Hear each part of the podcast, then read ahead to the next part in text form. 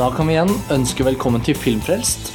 Mitt navn er Karsten Meinick, jeg er redaktør for Montasj. Dette er den siste av en liten serie med spesialepisoder vi har hatt fra filmfestivalen i Cannes.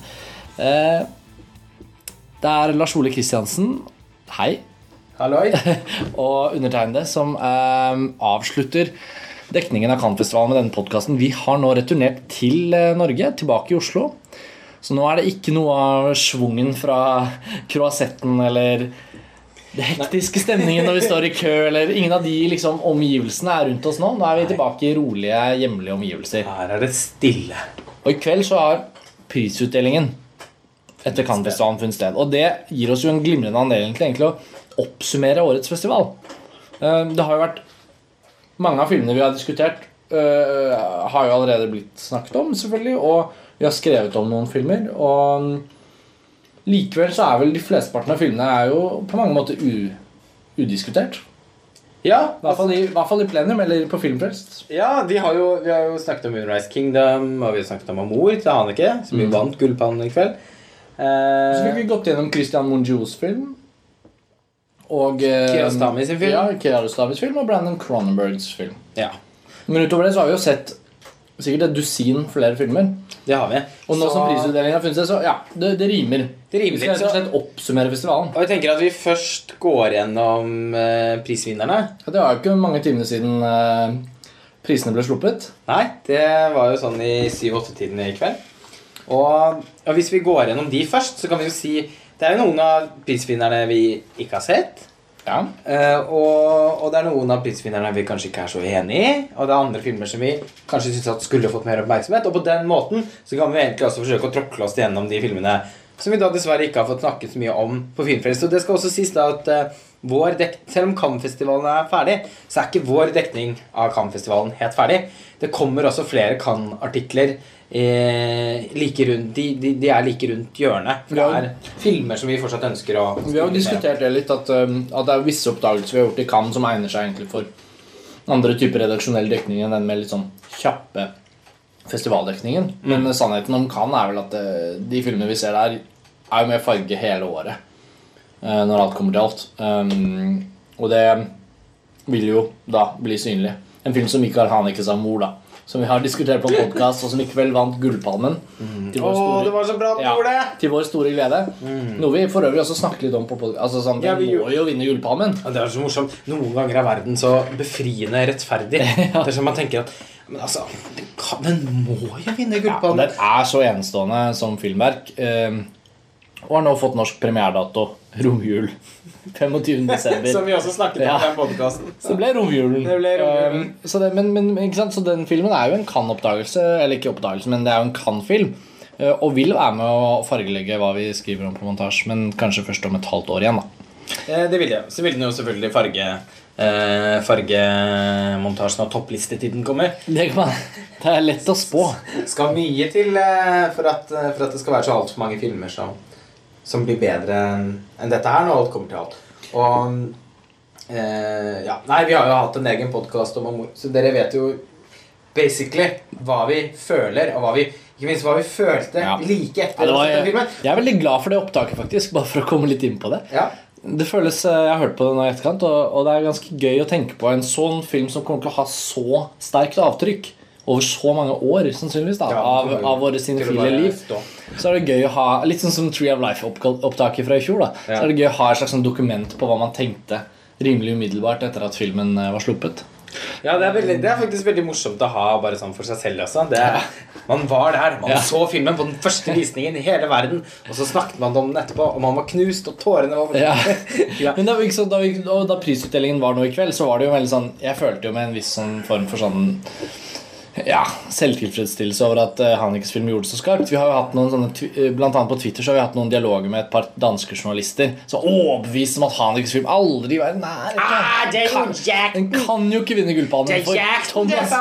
Thomas Winterbergs 'Jakten'. Det er filmen som vinner. Jeg kunne ikke for mitt bare liv forstå. Og vi kom jo ikke inn på 'Jakten' til slutt. når alt kom til alt Vi fikk jo ikke sett Thomas Winterbergs 'Jakten'. Jeg sto i to og en halv times kø. For i utgangspunktet hadde vi bortprioritert filmen. Grunnen til at vi hadde gjort det, er jo at vi rett Har og slett sett alt Winterberg har har sett gjort, alt. unntak av én. Ja, etter festen. Og det er jo ikke mistet- bra. Nei, det er jo så dårlig at vi har fullstendig mistet troen på Thomas Winterberg. Han var jo en av de Vi hadde noen filmer som vi Man vet jo den man kommer til. Man, kom- man får aldri sett alle filmene i hovedprogrammet. Det skal i hvert fall fryktelig mye til. Det er, og da får man ikke sett noe Gahr, og Det er liksom en sånn kabal som skal gå. Ja, ja. Kontinuerlige prioriteringer som må gjøres.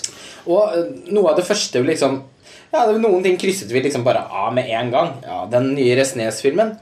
Jeg som har sett de to siste gamlemannsfilmene til René, som det egentlig skal uttales, eh, var veldig trygg på at jeg ikke skulle prioritere kan, dyrebar kan-tid på å se den. Check.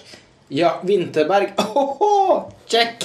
Det var liksom sånn Men så, men kom det jo litt bøss. Så så lette vi etter muligheter for å se den. Jeg har mye om og men, så liksom ah, Det er én visning. Det er en mulighet. Og du dro. Og så kom du ikke inn.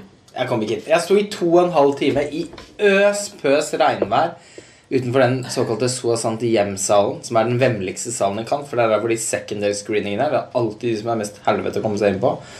Complet. Madame et monsieur, c'est complet! Det er jo Eh, Det virkelig beskjeden man får når man ikke kommer inn på en film. Um, Og jeg var den første som ikke kom inn Ja. på den visningen. ja, det, er, det er deprimerende. Personen men, som sto foran meg, kom inn, og det var sikkert 200-300 bak meg. men det jeg kan. Og, og, og det var skjebnen for Winterberg i år. Og, Det var og- skjebnen. og- og- Han vant heldigvis ikke gullpalmen. Nei, men liksom, det var, det var Uansett, da, når man vrir og vender på det, det var en veldig god buss for Winterbergs film. Ja, og, og, og selv om vi holdt, holdt hodet høyt hevet når vi sa at han ikke må vinne denne prisen, så var det likevel interessant at danskene forsvarte den så sterkt, og bla, bla, bla. Og i kveld så fikk jo filmen en pris. Den fikk jo beste skuespiller for Mats Mikkelsen. Eh, Og sikkert veldig fortjent. Ja, det tror jeg Han er en fantastisk skuespiller. Det tror jeg også, og- Åpenlyst at han gjør en av sine sterkeste rolleprestasjoner i den filmen. Og jeg gleder meg til å se jakten. Masse. Gleder meg masse til å se jakten. Prisutdelingen for øvrig var jo på en måte preget av en viss form for sånn Det var jo en ulmende spenning fordi noen filmer har skilt seg ut som litt sånn kontroversielle. Eh, en ting er eh, en film vi har sett, som vi kan komme litt inn på, eh, som ikke fikk en pris. En annen er, eh, er eh, en film som ble vist veldig sent i konkurransen. Eh, Carlos Regadas Post Tenebras Lux. Jeg måtte reise noen dager før deg, så jeg hadde jo ikke anledning til å prøve å få sett den. Du fikk heldigvis sett den, og det var en film som virkelig ble møtt med reell buing. Ja, Det var veldig spesielt. Jeg var på gallavisningen til den filmen. Og det er eneste gangen i løpet av de to årene som vi har vært i Cannes, da. Og jeg har vært på mange gallavisninger. Og også Vi har jo også vært på gallavisninger av svake filmer. Men det er den eneste gallavisningen jeg har vært på hvor det har vært regelrett svær liksom buing. Men Det var veldig spesielt å se, for jeg syns ikke det passer seg da på en gallavisning. Og filmen virker jo ikke som den har en sånn bokstavelig dårlighet over seg. Det er mer det der at den Sånn som jeg har forstått bussen, da, at den, at den virker reelt utforskende innenfor sitt eget Den setter noen rammer for hva filmen skal være. Ja, folk er, men folk er utålmodige, ikke sant? Og den blir også, ble jo også vist halv elleve eh, på en veldig varm kveld. Det er jo en lidelse å sitte inne i det Lumière-palasset når det er varmt. Det skal sies. Altså Alle som ikke er det kan, vil nok liksom uh, si at det å snakke om lidelse når man får sett de filmene ingen andre får sett, er kanskje, Nei, nei, er kanskje å ta i litt. Ja, ja, men det klart. Jeg ville fint byttet plass med deg, f.eks. Jeg, jeg var hjemme i Norge. Ja da. Ja. Nei, men jeg vil selvfølgelig Og det er jævlig stas å ikke minst få se filmene på de gallavisningene. Men de er vel å merke klokken halv elleve om kvelden etter en lang dag. Alle har lange, slitsomme dager i Cannes. Det er fryktelig varmt når det er varmt. Man får ikke lov til å ha med seg verken mat eller drikke inn i salen. Ei heller i største del, delen av køen. Man kommer gjerne inn Mm, Jeg var i veldig fin form til den visningen, da. Det skal sies. Og Regadas Ja, fikk faktisk en pris i kveld. Det er litt derfor jeg ville vinkle det inn på Ja, det. Men det er morsomt at du nevner den visningen, for den er det fordi jeg vil tro at mange ikke var så oppvakte som meg under den. Fordi ja, det var enormt mye, mange walkouts. ja, Og det er gallavisning. Da pleier man ikke å gå. nei. Og det var sånn overstrømmende buing.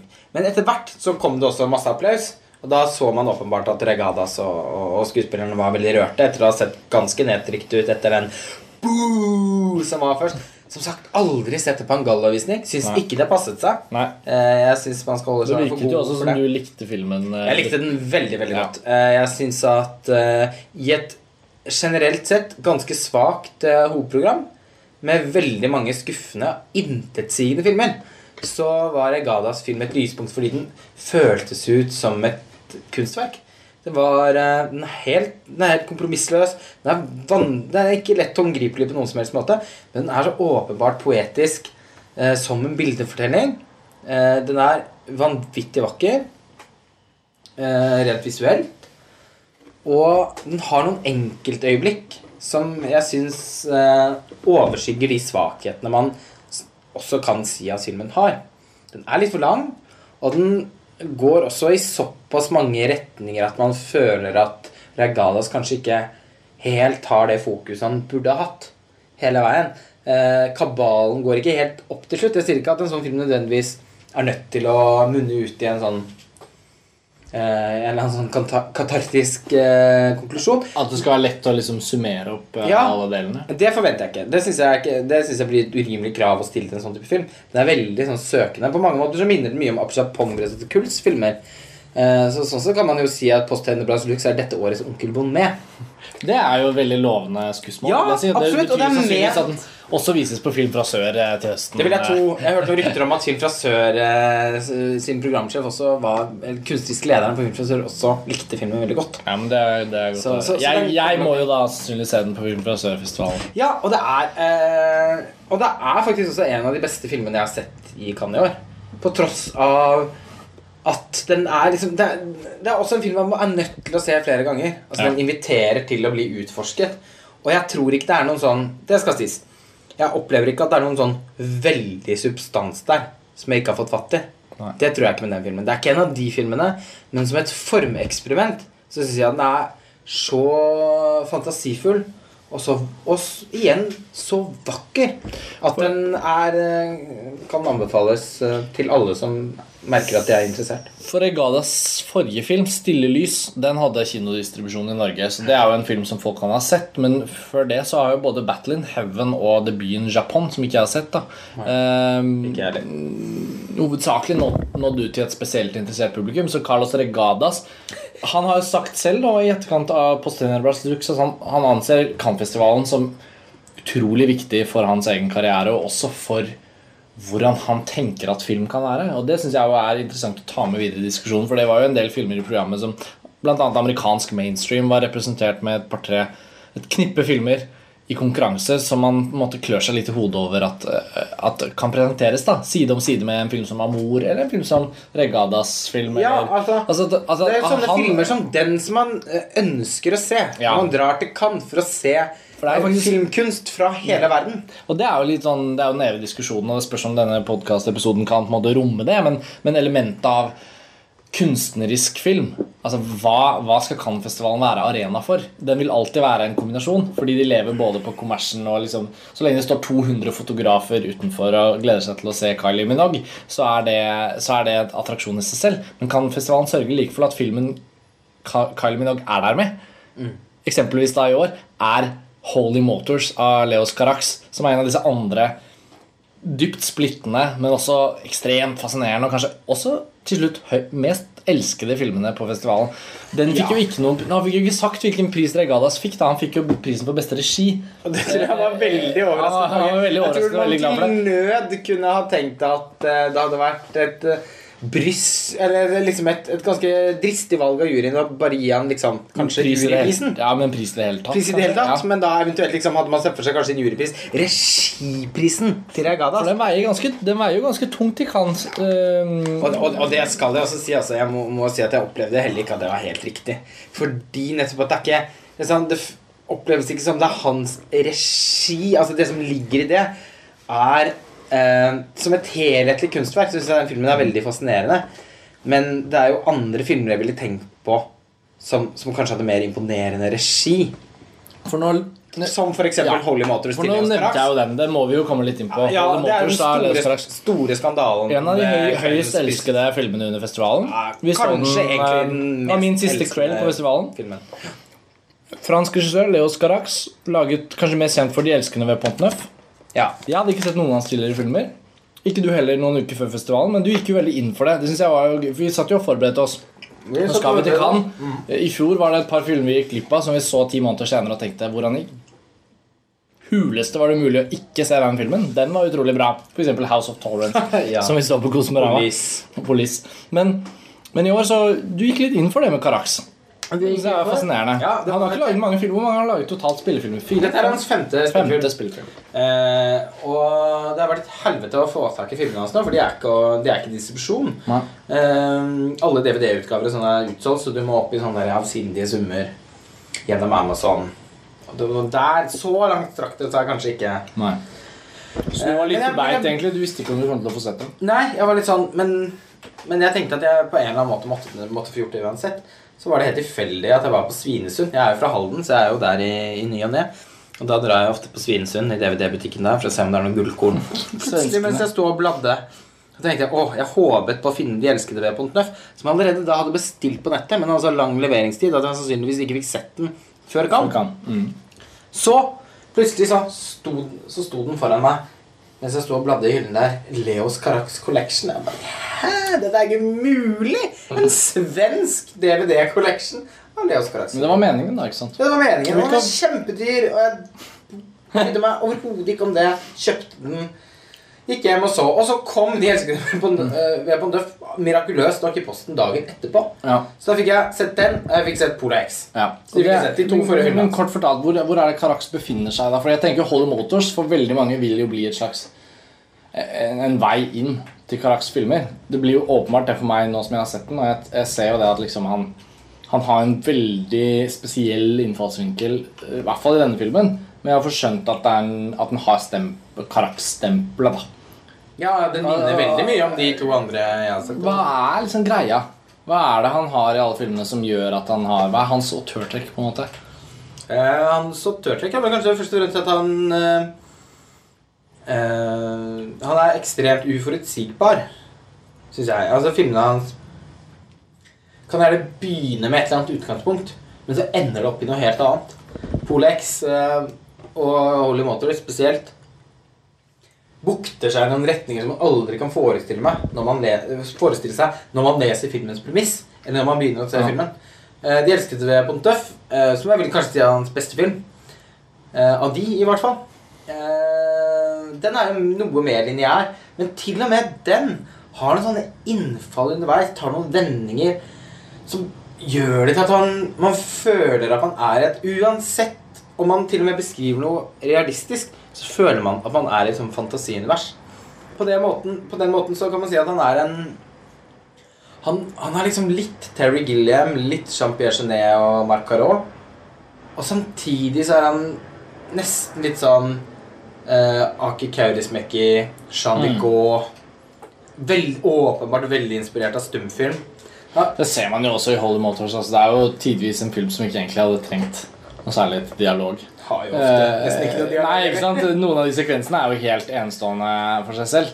Uh, vi burde jo kanskje komme litt inn på det, egentlig, for det er jo en film folk bare kan begynne å glede seg til. En av de der filmene som i løpet av et helt år skiller seg, skiller seg ut som noe totalt Ja. Altså totalt annerledes fra hva man kan forvente. Ja.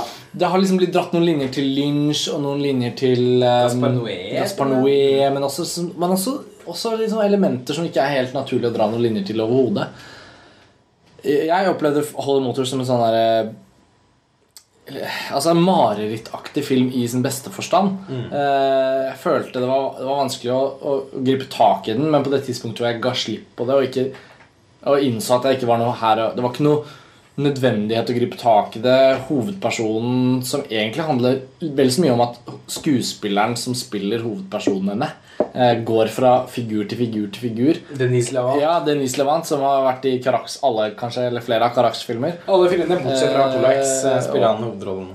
Og folk som har sett filmene til Claire Denis, vil kjenne han igjen fra Beau Travail. Og han er, han er jo fransk, gjør en utrolig nydelig rolle. ja, han er jo en fransk skuespiller man kjenner igjen. da Det er jo sånn fjes. Mm. Litt sånn som uh, jeg dro den i stad før vi startet opptak her. Altså, helt uten sammenligning for øvrig. Andy Serkis.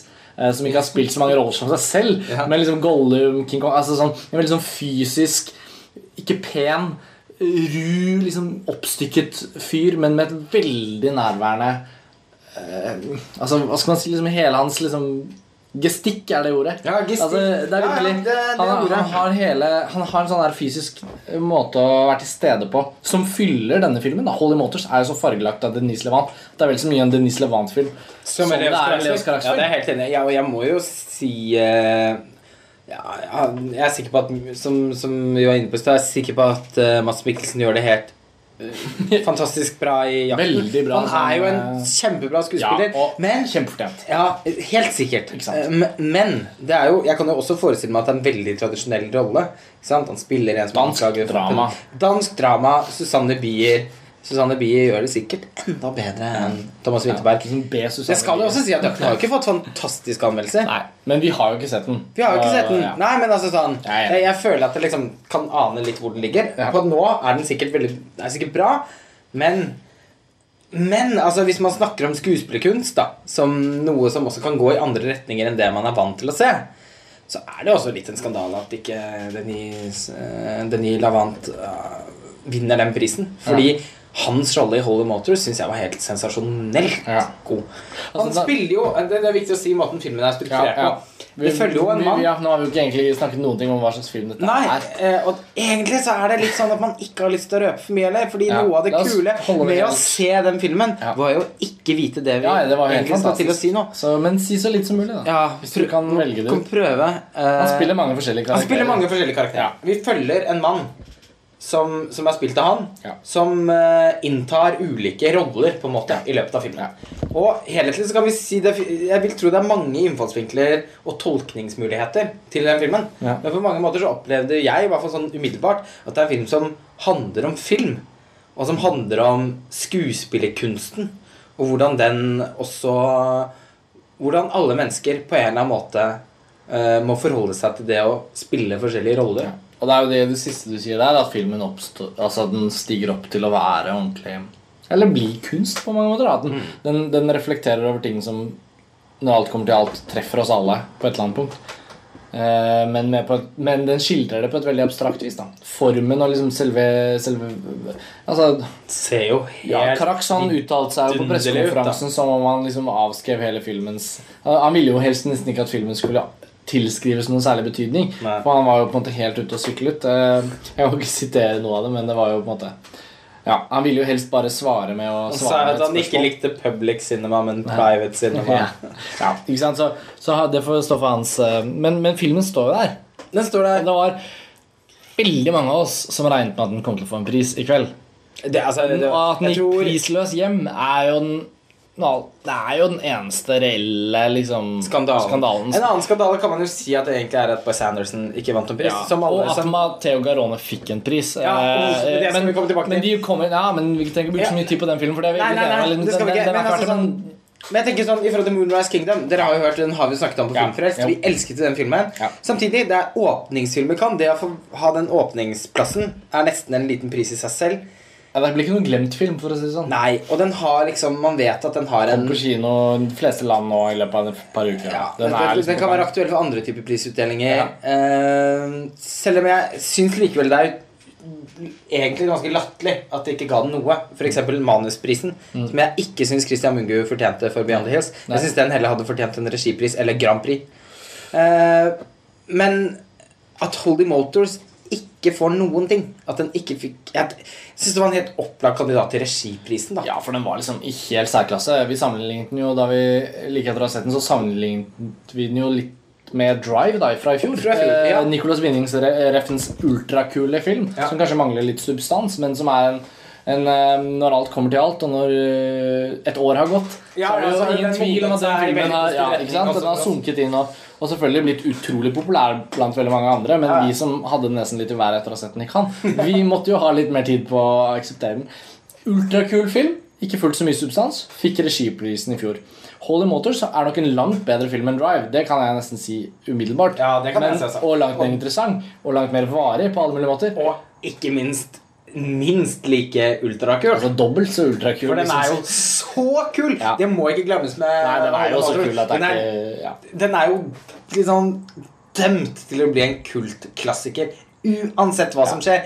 Altså, filmklubbentusiastene kommer til å Altså, gyve seg over denne filmen. Vi var jo på gallavisningen av Holy Motors i Cannes, og, Ja.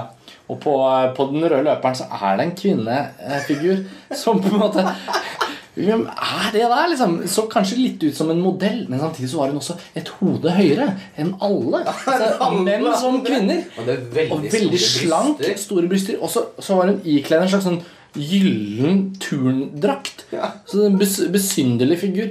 Eh, Det var først på bildene fra, fra den røde løperen dagen etter at jeg så, så hva hun hadde gjort på den røde løperen. Det så jeg ikke før vi så bilden. Og da den scenen i filmen kom, hvor det viste seg at hun var med i filmen uh, It all makes sense. Eh, jeg skal ikke si så veldig mye, men, men, men, eh, Eh, men stikk- slangemennesker Stikkordet her er Tron Legacy. Ja, det, altså Tron Legacy ble outtroned i, i Holly Motors. Og kan dere er- tenke ja. dere at når vi sier det, det må jo høres helt vanvittig ut Det ser ja. folk fikk skjemme dette Holly Motors Ser jeg på bilder mm, Det ser ganske kult ut Men hæ? Trond Legacy? Men ja! Det må ses. Den må bare oppleves Ja, Eh, Jeg tror den kommer til å mørne seg veldig godt gjennom året. Jeg tror den kommer til å slite tungt med å overbevise norske distributører om at her er det penger å tjene. Men, men som filmkunst så fortjener den jo all den oppmerksomheten. Ja, den må jo på kino Jeg synes det er litt viktig å bruke litt tid på den. Tragisk hvis den ikke altså, Og det, Kylie Minogue spiller i den Ja, men det er ikke en stor rolle. Nei Nei, Hun er ikke noe uh, Hun er ikke gallionsfigur for denne filmen. Nei, det, Alt kommer til alt. det kan jo kanskje være det så kommersielt. Ja, Nei, hun er jo hun er kanskje egentlig ikke så populær heller. nå. Men når vi først har en oppsummering av Cannes-festivalen, og den filmen ikke fikk en pris i kveld, Ja, det så var det, veldig, det var jo veldig naturlig å bruke litt tid på den da Fordi, fordi til alle dere som lytter, så For å høre, i det hele tatt sitte seg ned og høre på Filmfrelst, så antar jeg at alle sammen er litt over gjennomsnittet interessert i film. Og da er Hall of Motors av Leos Carax er jo den filmen fra Cannes i år som blir vanskeligst sannsynligvis å oppdrive. Den, blir, det kommer til å bli litt sånn en kamp å få sett. Ja, Den må jeg få sett. For den kommer jo ikke på film fra sør. Eller, Kan, nei, det kommer ikke fordi det er jo Frankrike. Men den kan ikke sør nok. På Oslo Internasjonale. Ja, Eller Biff. kanskje i Bergen. Ja, det vil jeg tro. Eh, Bergen eller Oslo Internasjonale. eh, Og så Tromsø. Jeg er ikke så sikker på det. altså Nei, uansett, det er altfor lenge til. ja, nei, Vi får håpe at festivalene melder seg og, og, og tar inn denne. Eh, Eller god damn at den får kinodistribusjon! Jo, jo, det men er selvfølgelig så vil jo mye vi det. tråkig fransk film. Ja, jo, men jeg mener at Man kan jo også selge den på eh, at det er en kultfilm. Ja, Altså- det kan man, men da Ja, men da Jo, jo. Altså, selvfølgelig. Vi er jo enige. Det er, Men- men- det er, men- det, er det er årets store filmer i Ja. Frankrike.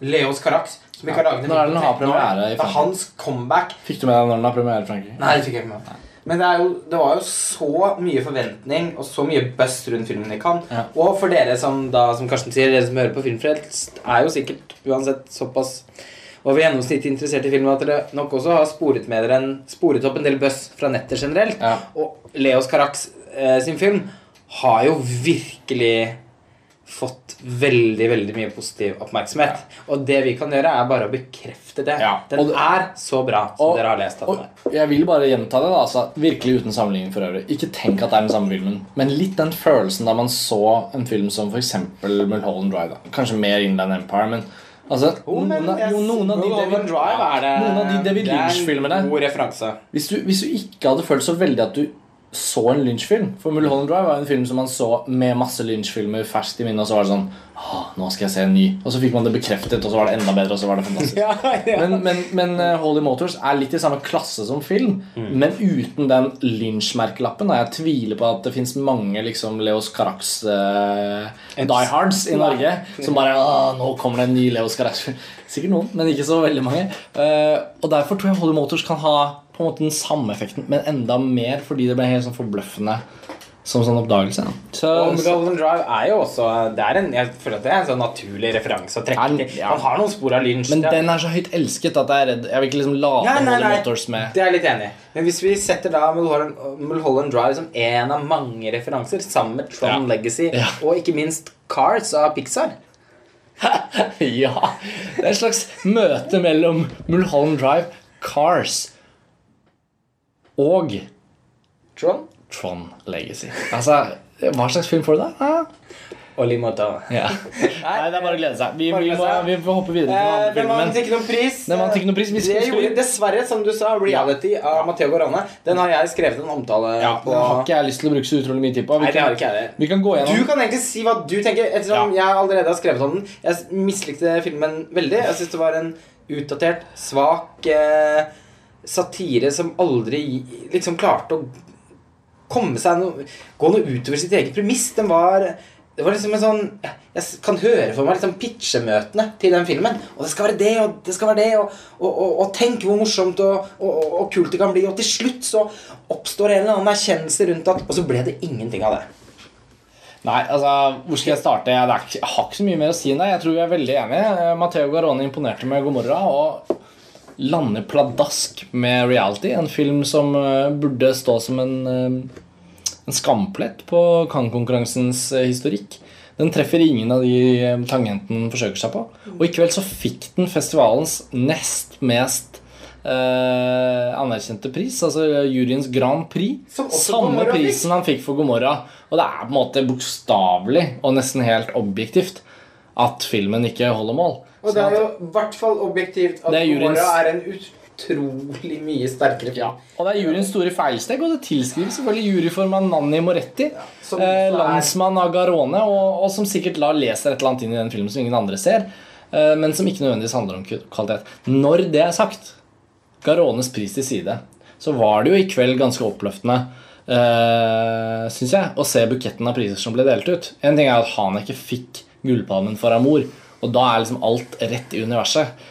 Ja, da- En film da- som er så. Ja, det er så genuint. Det er så opplagt hvor stor den er. Ja, og det som vi sagt om, den, den må jo vinne.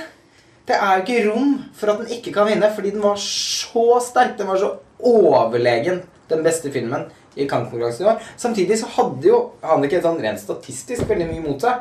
Fordi ikke bare har han vunnet Gullpalmen før, men han vant den forrige gang han deltok. Ja, Og det er jo ikke mange år siden Det hvite båndet. Nei. Nei. Men når en film er så god som Amor, det, da hjelper så ikke. skal det ikke spille noen rolle. Nei. Greit nok på Oscar, for da vet man jo faen meg aldri Da kan jo folk nesten markedsføre seg til en pris. Ja. Eh, og man gir jo det litt opp. Det som er så jævlig fett med Cannes, og Gullpalmen i seg selv Ikke bare holder den så Den er liksom helt der oppe. Franskmennene forguder denne prisen her på alvor. Og Det er liksom jo den viktigste filmprisen i er hele verden. Juryen er liksom mm, Det er liksom kirsebærplukket, og det er liksom Nå skal dere velge. Og den oppgaven de har tatt på seg, den tar de med så jævlig stort alvor. Eh, vi skrev jo litt om det i dag. Det er en fin anekdote. For et år siden på Kosmorama så møtte vi Alexander Payne, regissøren av Sideways og The Descendants. Cineast, Og- viste det seg, til Og beinet. Election og Ja, og for jeg selvfølgelig, noen av de bedre filmene. Noen av de bedre, men mer kjente da. Og Alexander Payne viste seg å være en utrolig filminteressert eh, regissør. Eh, morsomt for oss å Vi tilbrakte et par timer med han over lunsj. Snakket masse om film. Og da hadde jo jeg dessverre dratt hjem, men etter visningen av Posttenebras Lux så traff du jo faktisk Alexander Payne i en pølsebod. Eh, gikk han, og han sitter jo i juryen. Satt i juryen i år. Eh, men han var villig til å fortelle litt om eh, i hvert fall prosessene de var igjennom, og det er jo fascinerende. Ja, det var veldig morsomt. For det første var det morsomt at han umiddelbart kjente meg igjen. Så han husket jo oss veldig godt. Eh, Oh, you fucking nerds! show. yeah, yeah, I remember you guys. Uh, that was one of the best times I had in Trondheim, sitting with you fucking nerds, nerding about. uh, veldig morsom, veldig hyggelig, imøtekommende Men han må ha tatt den juryjobben utrolig seriøst. For han er jo en die hard cineast, han. Sannsynligvis.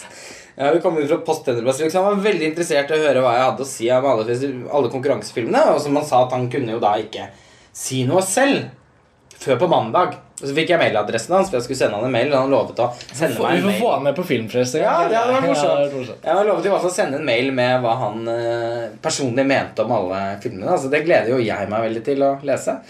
Forhåpentligvis om noen dager. Men han var veldig eh, Samtidig som han holdt igjen, så var han, klarte han jo heller ikke å være ganske tydelig eh, i, i måten han reagerte på. Eh, måten eksempel jeg snakket om de ulike filmene på. Og, og jeg sa jo selvfølgelig hva jeg mente rundt Amor, og jeg sa jo bare at det er jo ikke rom for at dere ikke kan gi den gullballen. Jeg kan ikke forstå at dere, at dere gjør noe annet. Det vil oppleves som veldig veldig merkelig. Jeg vet at han vant Michael Haneke vant øh, for- Det hvite båndet, men det hjelper ikke. Det er andre som har vunnet den prisen to ganger før. Og Michael Haneke er i mine øyne en større filmskaper enn de aller fleste av dem. Herregud, tenk hvem er han i forhold til Darden-brødrene? De kommer jo ikke opp til knærne hans engang. Men de hadde vunnet to gullpalmer før i kveld. Noen av de få som har gjort det. Ja. ja, men altså, det var derfor jeg Det var liksom nettopp. sammenligningen. Ja. Men liksom, tenk på det hvem er de går i barnehagen i sammenligning med han. Han er jo på universitetet.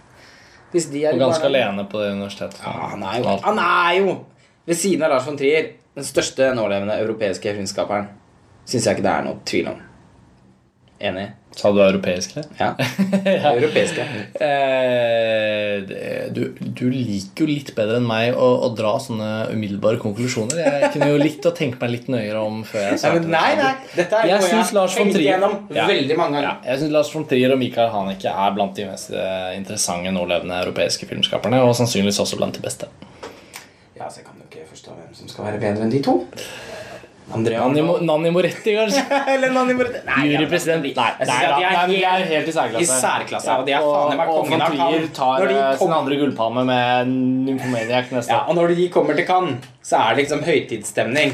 Når, eh, når begge var der i 2009, så var det de to filmene som genererte mest oppmerksomhet. Ja. Når når Von Trier var der i fjor, så vant han jo også oppmerksomhetsprisen, i hvert fall. Oppmerksomhetsprisen. ja. Og det Da var var det alle- så fikk han en ekumenisk juryens antipris. Det gjorde han. Altså, Det er helt unik. Antipris Nei, men- antikrist. I år så var jo ikke von Trier der. Han var savnet, eh, men Michael Haneke var der. Og han gjorde ikke noe voldsomt vesen ut av seg, selvfølgelig. Eh, Vi vi hadde jo også da æren av Jeg fikk også hilst på Michael Haneke. Ja. Snakket med han. Det var et stort øyeblikk. Abbas Kiarostami var jo også i konkurransen, uten at det ble gjort nevneverdig ut av på prisutdelingen i kveld. Nei. Men Vi fikk jo snakket litt om den filmen i forrige episode, men, men da var også han ikke i salen og applauderte den iranske mester med glede. Og så gikk vi bort til han etterpå.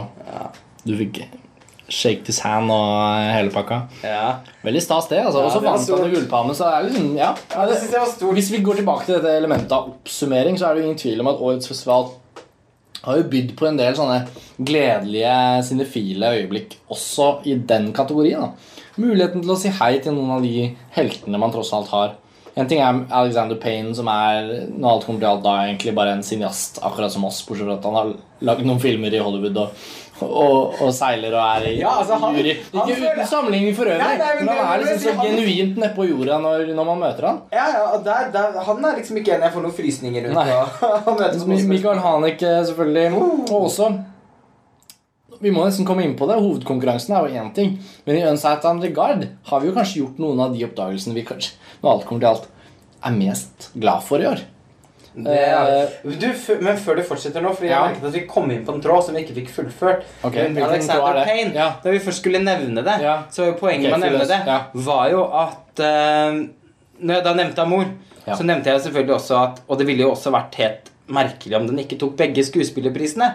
I hvert For fall. det var jo nettopp. Juryen arbeider jo innenfor Ja. et visst Og de reglene har vært litt sånn slørete for meg, for det har vært så mange unntak gjennom årene. Men da sa i hvert fall Alexander Payne at filmen som vinner Gullpalmen, kan ikke vinne noen andre priser. Nei. Og de reglene har tydeligvis også blitt ekstra strammet inn i løpet av de siste årene.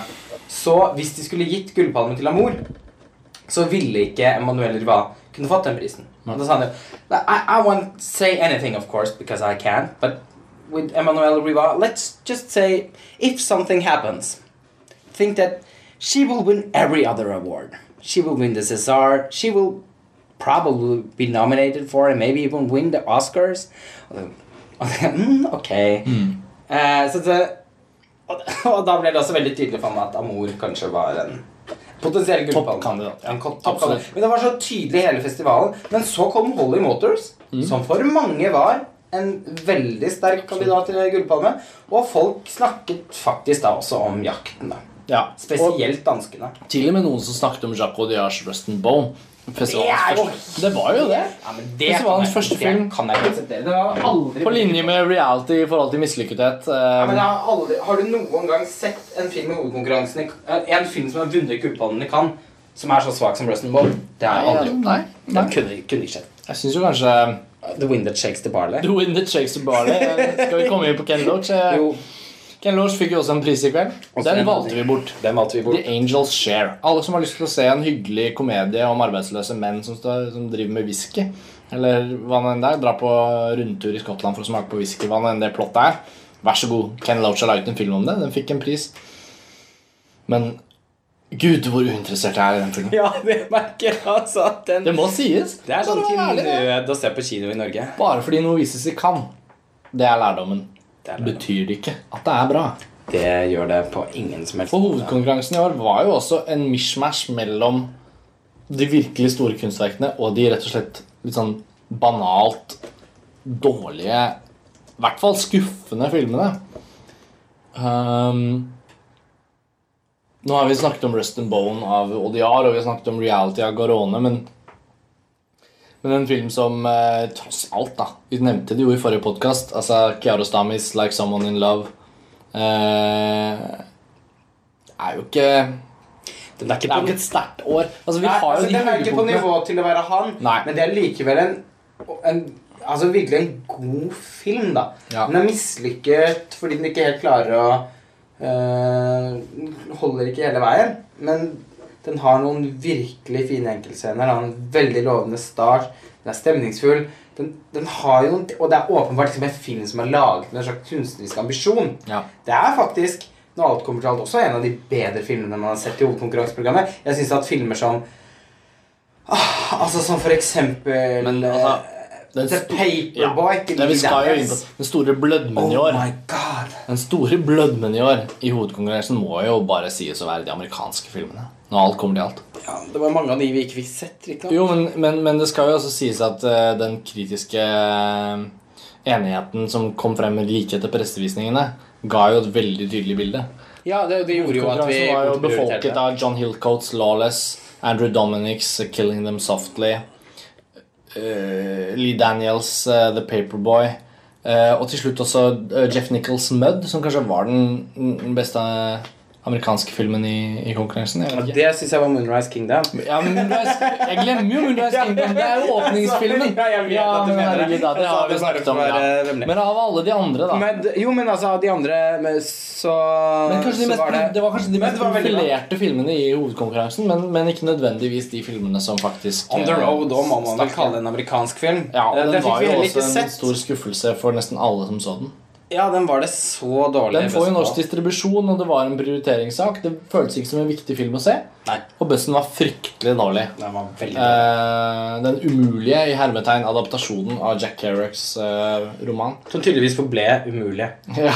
Men Walter Salas har visst jobbet med det i da veldig lang tid og gjort så godt han kan. Og det er ikke nødvendigvis et lovende trekk ved en film at regissøren har drømt om å lage en film av denne boken i alle år. ikke sant? Eh, men casten var fin, traileren var stemningsfull. Alle Jeg skryter jo gleder meg jo for så vidt til å se den i sånn, helt sånn i hverdagskinoforstand. Ja, altså, når den blir- kommer i september. Det skal bli spennende å se Kristen Stewart. Men i konkurransesammenheng i Cannes så var det også en film som da rett og slett ikke leverte. Det den har fått skryt for generelt, er jo faktisk castingen og skuespillerne. Ja. De har, de har fått klapp på skulderen. Men at alt det andre er rotete og uforløst. Og at den aldri klarer å fange nervene i romanen. da. Så den var jo en av de filmene vi også endte med å bortprioritere. Prioritere, Det føl- føltes ikke veldig leit, egentlig. Men du fikk sett uh, Mud av Jeff Nichols, en film som kanskje ikke er på noens radar. Det er litt gøy å høre. Jeg hørte deg jo så vidt si litt om den før vi startet opptaket. Hva slags film er det? Eh, Det er en coming of age-historie. Som også har eh, Det handler om to gutter som blir kjent med en fyr som heter Mud. Som er en veldig merkelig fyr som bor oppi en båt oppi et tre. Tittelkarakteren, altså. Ja, På en eh, øy. Og det er sørstatene i USA, ikke sant? Ja. Jeff Nichols har jo laget en del sånn, mer sånn Texas-fortellinger tidligere. Jeg så filmen hans som han hadde i Cannes i fjor, 'Take Shelter'. Den har jo da ikke jeg sett. Veldig bra film. Og, og, og, det, og en av de første filmene hans, eh, 'Shotgun Stories', har jeg alltid hatt veldig lyst til å se. Han har jo samarbeidet med han, eh, Michael Shannon i flere filmer. Mm. Men nå er det Matthew McConney som Mud. Eh, Som gjør en veldig, veldig bra ja, det er oppmuntrende. For han har kanskje ikke valgt de beste rollene det siste tiåret. Jeg syns jo for så vidt at han var en skuespiller man blir kjent med.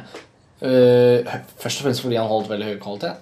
Mm. Jeg er kanskje litt alene om det, men A Time to Kill, eh, hvor han spiller advokat i sørstatene mot Sandra Bullock Ikke sett. Eh, Samuel L. Jackson er tiltalt. eh, Det høres ut som en av dine drepte en sånn 90-tallsøyeblikk. redneck. Ja, ja, men den er ikke så dum, altså. Nei. Og Matthew McConney gjorde inntrykk da. Så Ja, han i er jo- ettertid eh, utmerket seg i større grad som en fyr som spiller romantiske komedier med Kate Hudson. Men, ehm, Men det er gøy å se. Han var jo i to filmer i konkurranse i år. Det virket som Mudd var eh, den filmen som holdt seg best. eh. Ja, Paperboy var en katastrofe. Eh, Den er ikke, det eneste det beste jeg har å si om Paperboy, er at den er ikke helt umorsom å se. Det var jo Den er så out there. Ja, det var jo filmer som var kjedeligere å se enn den, som f.eks. den Losnitsa-filmen. Da tenker du på den russiske regissøren Sergej Losnitsa? Ja, In the Fog. Den var jo så kvelende kjedelig at jeg nesten ikke jo, hvis, klarte å følge med på den engang. Der inne i den overopphetede Lumière-salen. Paperboy var jo på sin merkelige måte litt underholdende. Men den var en virkelig en mislykket tvers igjennom dårlig film. For det er jo Lee Daniels som regisserte Precious, eh, som fikk masse oppmerksomhet og vant noen Oscar-priser i diverse kategorier. I hvert fall ble nominert, da. Ja, han vant jo For beste manus. Ja. Og, eh, og eh, nå er han tilbake med The Paperboy. Nicole Kidman, Matthew McConney, John Cusack, Zac Efron. Den har også blitt ikodisk fordi Nicole Kidman visstnok tisser på Zac Efron i en uh, spesifikk scene. Ja, det, det, Hva er det som gjør den så jævlig ræva? det er en av de bedre scenene i filmen, egentlig. Hvor han blir brent av noen sånne maneter. Det var ganske morsomt løst, den scenen. Hvor hun setter seg over skrevs og pisser på han etterpå. På, på disse store brannsårene. Mystisk nok, for jeg tror ikke, det? jeg tror ikke det finnes noen maneter som er så skadelige i, rundt USA-kysten. Men det Ja. Jeg vet litt om maneter. hadde tydeligvis ikke noen ting å si for den. For den filmen. Nei. Men hva gjorde den i hovedkonkurransen? Altså, Nei, den har ingenting der å gjøre. Eh, jeg tenker at dette, Nå vet jeg at den får norsk kinodistribusjon, da, men den er jo heller, det er jo på en måte også en film man hadde sett for seg nesten kunne gått direkte på video. Uh, eneste som vil jo forhindre det, er jo nettopp at det er ganske store navn. Ja. Og Nicole Kidman? Hun gjør det jo Hun gjør det alltid bra. Hun er jo nesten alltid lyspunktet med alle filmer hun er i. Selv om hun gjør det Selv om Ta de i hvert fall aldri så dårlige. dristige rollevalg. Det har hun liksom ikke sluttet med. Nei, det slutter hun ikke med. Og det skal hun også berømmes for her. Det, og den rollen hun spiller, jeg minner heller ikke om noen andre Nicole Kidman-roller jeg har sett. Uh, så hun er ganske morsom å følge med på. Skuespill i filmen generelt er ganske bra. Matthew McConaughey er bra i den også. Han Zac Efron klarer seg helt fint. John Cusack er John Cusack. Hva er det som er så dårlig med den? Det som er dårlig med den, er at det er ikke noe historie der. Det er det som er dårlig med den. Den er lagt opp som en eh, slags eh, Lagt opp som en slags film noir, hvor det er en kvinne som sitter på et kontor og forteller historien som et, uh, til en politibetjent, og så blir den fortalt i flashbacks, som i veldig mange film var. Den, den som forteller det, er hun derre Maisie Gray. Hun artisten. Artisten? Ja. Hun som er med i Spiderman? ja. Som jeg syns er en helt forferdelig rolle, egentlig. Ja. den Hun har litt sånn ja, hun, hun liker jeg ikke. Og det blir liksom litt dust når hun sitter der og, og forteller den historien. Og det er ikke noen historie. Det er problemet med filmen. Den, jeg, jeg klarer aldri å hekte meg på øh, hva, hva det egentlig handler om, hvorfor jeg skal bli interessert. Det blir bare en sånn, sånn gryte av forskjellige ingredienser som aldri skaper en eller annen enhetlig smak. Det er, som sagt, det skal si, det er til tider litt underholdende å se på. Og Lee Daniels forsøker desperat å gjøre filmen interessant. Bruker veldig masse forskjellige formgrep. Han åpenbart veldig inspirert av Spike Lee. Det var jo veldig tydelig i Precious. Han prøver der liksom, ing, ing, Når noen skal knulle livet av hverandre eh, oppe på en vaskemaskin, så klipper han inn bilder av en eller annen eh, En annen pinnsvin og en alligator som gaper, og noe vann som koker, og umotiverte blacker inne i scenen. og det er så veldig desperat forsøkt, men fullstendig mislykket. Og en veldig trist oppfølger til Precious. av Daniels. Jeg syns jo Precious var veldig, veldig bra. Eh, både en veldig morsom og en veldig sår eh, film fortalt på en Formidlet på en veldig original måte. Eh, Men den fikk ikke priser eh, i kveld. det gjorde den ikke. Og det var kanskje like greit. Det var nok skrevet i stjernene at den ikke skulle få så mye som en pris. Men jeg tenker det, Vil ikke tro at juryen nei, engang vurderte nei, den. Nei, og det var jo noe med at disse amerikanske filmene ikke helt leverte. Men det var jo andre Man skal ikke glemme at juryen har jo ikke vært med på å velge ut filmene. Nei, så de møter sant? de jo på samme måte som oss. Ja, og det er jo morsomt. Altså, det er jo veldig gøy med priser. Det er jo rett og slett i seg selv morsomt at Cannes-festivalen sverger til en jury eh, ikke bestående av så veldig mange mennesker engang. Kanskje hvor mange er det? Åtte stykker? Ja, noe sånt. Ja. Uh, I større grad enn at de sverger til et akademi eller det at folk skal stemme. og sånn. Det gjør det jo litt sånn mer uforutsigbart. Men, men det ble i hvert fall ingen pris på det. Vi snakket jo om Beyond the Hills av Christian Monjou i forrige episode, så vi kan ikke nødvendigvis gå så mye mer inn på det. Men han fikk jo faktisk da prisen i kveld for beste manus. Litt aparte, det er vi enige om. Men også de to kvinnelige skuespillerne fikk prisen da for beste skuespiller. da, Kvinnelige skuespiller. Disse to, Hun ene nonneaktige jenta og hun som kom fra Tyskland for å hente henne med seg. Og, Som ikke var en nonne. ja. og, og etter som dagene har gått etter å ha sett den filmen, så er det jo ingen tvil om at den vokser litt på meg, i hvert fall. Jeg tror du også er enig i at, at eh, Mungios film holder mål. Og, og da de skuespillerne fikk prisen, så tenkte jeg ja. Mm, Ja, det føltes Eh, ikke feil. Jeg ble først glad for at Emanuel Riva ikke fikk den, for da betød det at Michael Hanekes film sannsynligvis fikk Gullpalmen. Ja. Men det var også litt sånn ja, faen, altså. Det er ikke Når alt kommer til alt, rumenerne har blitt en klisjé. Vi ser de jævla bra filmene til rumenerne, og så tenker vi Veldig bra, veldig lang, veldig, veldig alvorlig eh, alt det der. Og vi kan le av det, men det er også utrolig at de får det til. Altså, Helt ubeskrevne blad. Hun ene har spilt litt TV, hun andre er egentlig journalist. Og så går de inn i en sånn eh, type situasjon som det Mongio setter opp i det manuset. Og de treffer de karakterene så bra. Og da de fikk den prisen, så ble jeg bare sånn Ja, det er ikke lett, ass. Nei, det, det, det var uh... Tenk om Marion Cotillard hadde fått den prisen for Rustin Bond. Ja, Sitter der med de amputerte knestumpene sine og, Og- og lar seg knulle i stykker av Mathias Schjønnes. Jo, men altså, det er ikke stort skuespill, da. Det er poserende konstruksjoner. det er ikke, Hun har i hvert fall ikke en karakter hvor hun får muligheten til å spille tilstrekkelig bra. Det, er også fall. Det var ikke et angrep på Marion Cotillard. Jeg syns hun er en nydelig skuespiller. Ja, og hun er den beste med filmen. veldig god i den filmen også. Men det sier litt. Men det er fikk jo meg til å reflektere over hva de rumenske skuespillerne gjør i ja, Beyond jeg, jeg, jeg syns ikke nødvendigvis de gjør noen bedre skuespillerprestasjoner enn Marianne Cotillard gjør i Rust and Bone. Nei, men de har, sånn mer, de har bedre roller de har mye bedre roller. Ikke sant? Og da, hva skal man og da altså, blir høna og egget? Nei, men da blir det jo helt uinteressant med Det det. Hun kan være hvor bra hun vil, Ja. men når rollen er helt underskrevet og i sum egentlig ganske latterlig, så, så, så hjelper jo ikke det. Det blir på samme måte som Nicole Kidman i Paperboy. Der hun kunne spille så godt hun bare vil. Men det blir jo Hun prøvde vel. Hun prøvde, og i og for seg lyktes hun. Men det blir jo for ræva sånn helhetlig sett. Og, og de to jentene i, i, For ræva helhetlig sett. Det er bra. i Munju-filmen er Det er fascinerende rollefigurer som man blir helt oppslukt av. Og det er jo også da selvfølgelig takket være de eh, deres rolleprestasjoner, og kanskje enda mer takket være Munjus casting. Fordi ansiktet, spesielt til hunden Ja. Altså, hun- Som ikke er nonne, men som prøver å få hun andre til å um, dra fra Nei, jeg tenkte motsatt. Jeg tenkte, Du tenkte motsatt, da? Jeg tenkte Ja, hun, som som er, hun som er nonnen. Ja, med de Ansikt... og øynene. ansiktet hennes omkranset av den her nonneforkleet, skal man kalle det. Hode, hodepryden. Hodebryn, nonnehodebryden. Altså, hun ser jo liksom ut som en sånn Theodor Kittelsen, Edvard Munch. Ganske Hennes ansikt klarte jeg ikke å rive øynene fra Men- hele den filmen. men Uansett om hun- sto 20 meter bak i bildet, så var det hennes ansikt jeg så på. Jeg syns hun spiller bedre enn den andre.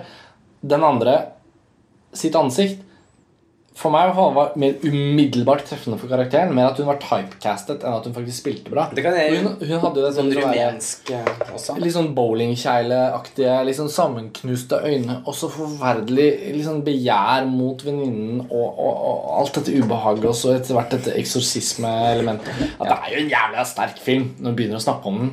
Både da vi tok opp forrige podkast, og nå kjenner jeg liksom at desto mer vi snakker om den, så det er solid.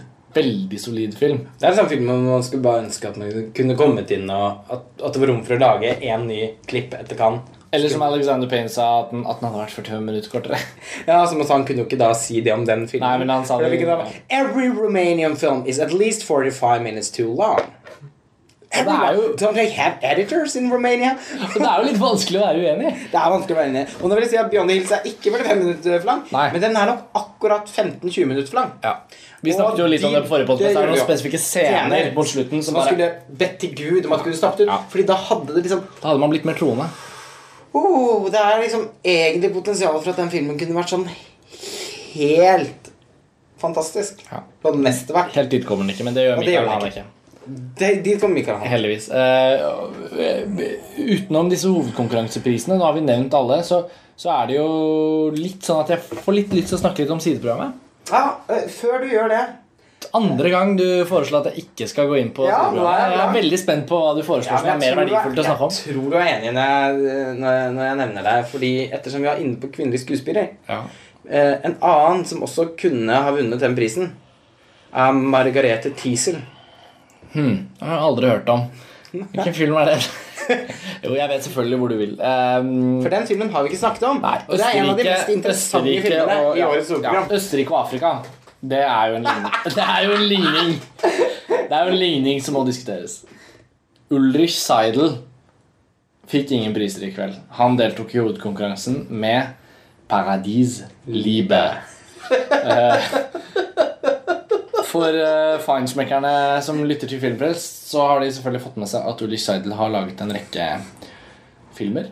Hovedsakelig Eh, dokumentarfilmer. Mye dokumentarfilmer, og etter hvert et par fiksjonsfilmer. 'Hundedager' og kanskje særlig 'Import-eksport', som også var i hovedkonkurransen i Cannes. Og som, Som også gikk tomhendt hjem. Ja, Som tomhendt er, og som er et mesterverk. En av de beste filmene som er laget i Europa de siste årene. Kjempebra film. Eh, sånn forbløffende god. Eh, jeg har jo sett den på en måte i år, da, tidligere i år, eh, og ikke hatt den med meg så lenge som du har hatt den med deg. Men den er jo helt i en egen klasse. Og da Ulrich Seidel ble tatt ut i år med Paradis Libe, et Mm. prosjekt som har vært lansert for en god stund siden, som i utgangspunktet egentlig skulle være et, en flettverksfilm. Ja, som på samme måte som også import-eksport er en Men flettverksfilm. den er jo bare egentlig en duo-flettverk. Eller sånn, Det er to fortellinger Ja. som flettes i hverandre. Uh, og med Paradis Libes, eller Paradis, så kunne det virke som det skulle vært tre filmer som skulle flettes i hverandre. Nå viser det seg at det er en trilogi. For ganske kort tid siden Nettopp. så ble det avgjort at de rett og slett hadde valgt å klippe De, de hadde så mye materiale de åpenbart var veldig fornøyd Jeg med. er veldig fornøyd med hva veldig fornøyd. De har vært grenseløst fornøyd med det. Hvis dette Ja. skulle blitt én film, så hadde det blitt sju timer. Ja. Kunne vært interessant.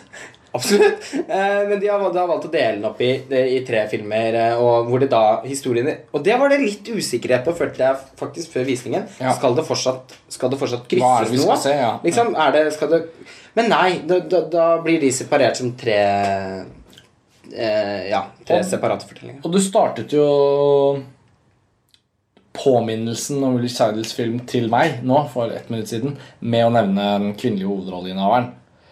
Eh, det er altså en østerriksk kvinne, denne karakteren, som øh, jobber, øh, jobber som en slags sånn Jobber med psykisk ja, jobber med psykisk utviklingshemmede. Hun har en datter som er på vei inn i tenårene.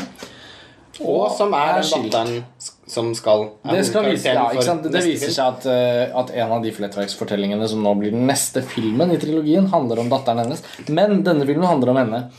Midten av 50-årene, kanskje. Mm. Eh, tykk. Ikke bælfeit, på en måte, men, men, men, Ja, men sånn- tykk, rund, velfødd europeisk kvinne. Skilt, barn, jobb. Har bestemt seg for å dra på ferie. Men hun har også blitt overbevist om at den ferien hun skal dra på nå, den, den burde gå til et veldig veldig spesifikt sted. kan man si det sånn? Det kan man absolutt si. Hun skal til Kenya, eh, hvor en venninne av henne har eh, tatt bolig, nærmest, for å nyte av en av fruktene det landet tydeligvis kan tilby, som er unge afrikanske menn og deres seksuelle tjenester. Det er en slags omvendt s- sextrafikk-film. Ja, altså Omvendt i den forstand at det handler om kvinner som benytter som seg av sexturisme istedenfor menn som drar til. Eller Eller menn som drar til Thailand. Eh, Mammut. Eh, Mammut, ja. Ikke sant? Sånn at Man ser en sånn snudd tematikk hvor, hvor det er Europas velfødde kvinner som er på en måte Hva skal man kalle det? De søker Altså De er der for å bruke, samtidig som de søker kjærlighet. Det er jo det denne filmen handler om. Ja, det, og det er det som er det kanskje mest interessante i filmen. At hun kommer jo ned Hun fornekter jo det faktum at hun egentlig er en sexturist. Det vil jo ikke hun erkjenne. Sexturisme er ikke et vokabular for henne. Hun er der mest litt for sol og litt for moro. Ja, og, og er åpen for at, uh, at hun kan At hun kanskje kan finne noen dater. Ja, Hun er åpen for misforståelser mellom, mellom turisme og, og, og, og varer og tjenester. Det er hun. Og, men hun på en måte overbeviser seg jo selv om at Om at øh, Om at i Afrika så er hun på en måte attraktiv i forhold til å vekke fram følelser i disse unge mennene. Det er i utgangspunktet skal man si? Det er nesten, i utgangspunktet nesten arrogant av henne å tenke. Fordi Og det er nesten rørende også. At Ja, hun men det er- virkelig tror Ja, men det er, det er jo det. Men det er liksom Det er hennes paradoks da, at hun kommer jo ned dit fordi hun søker etter kjærlighet.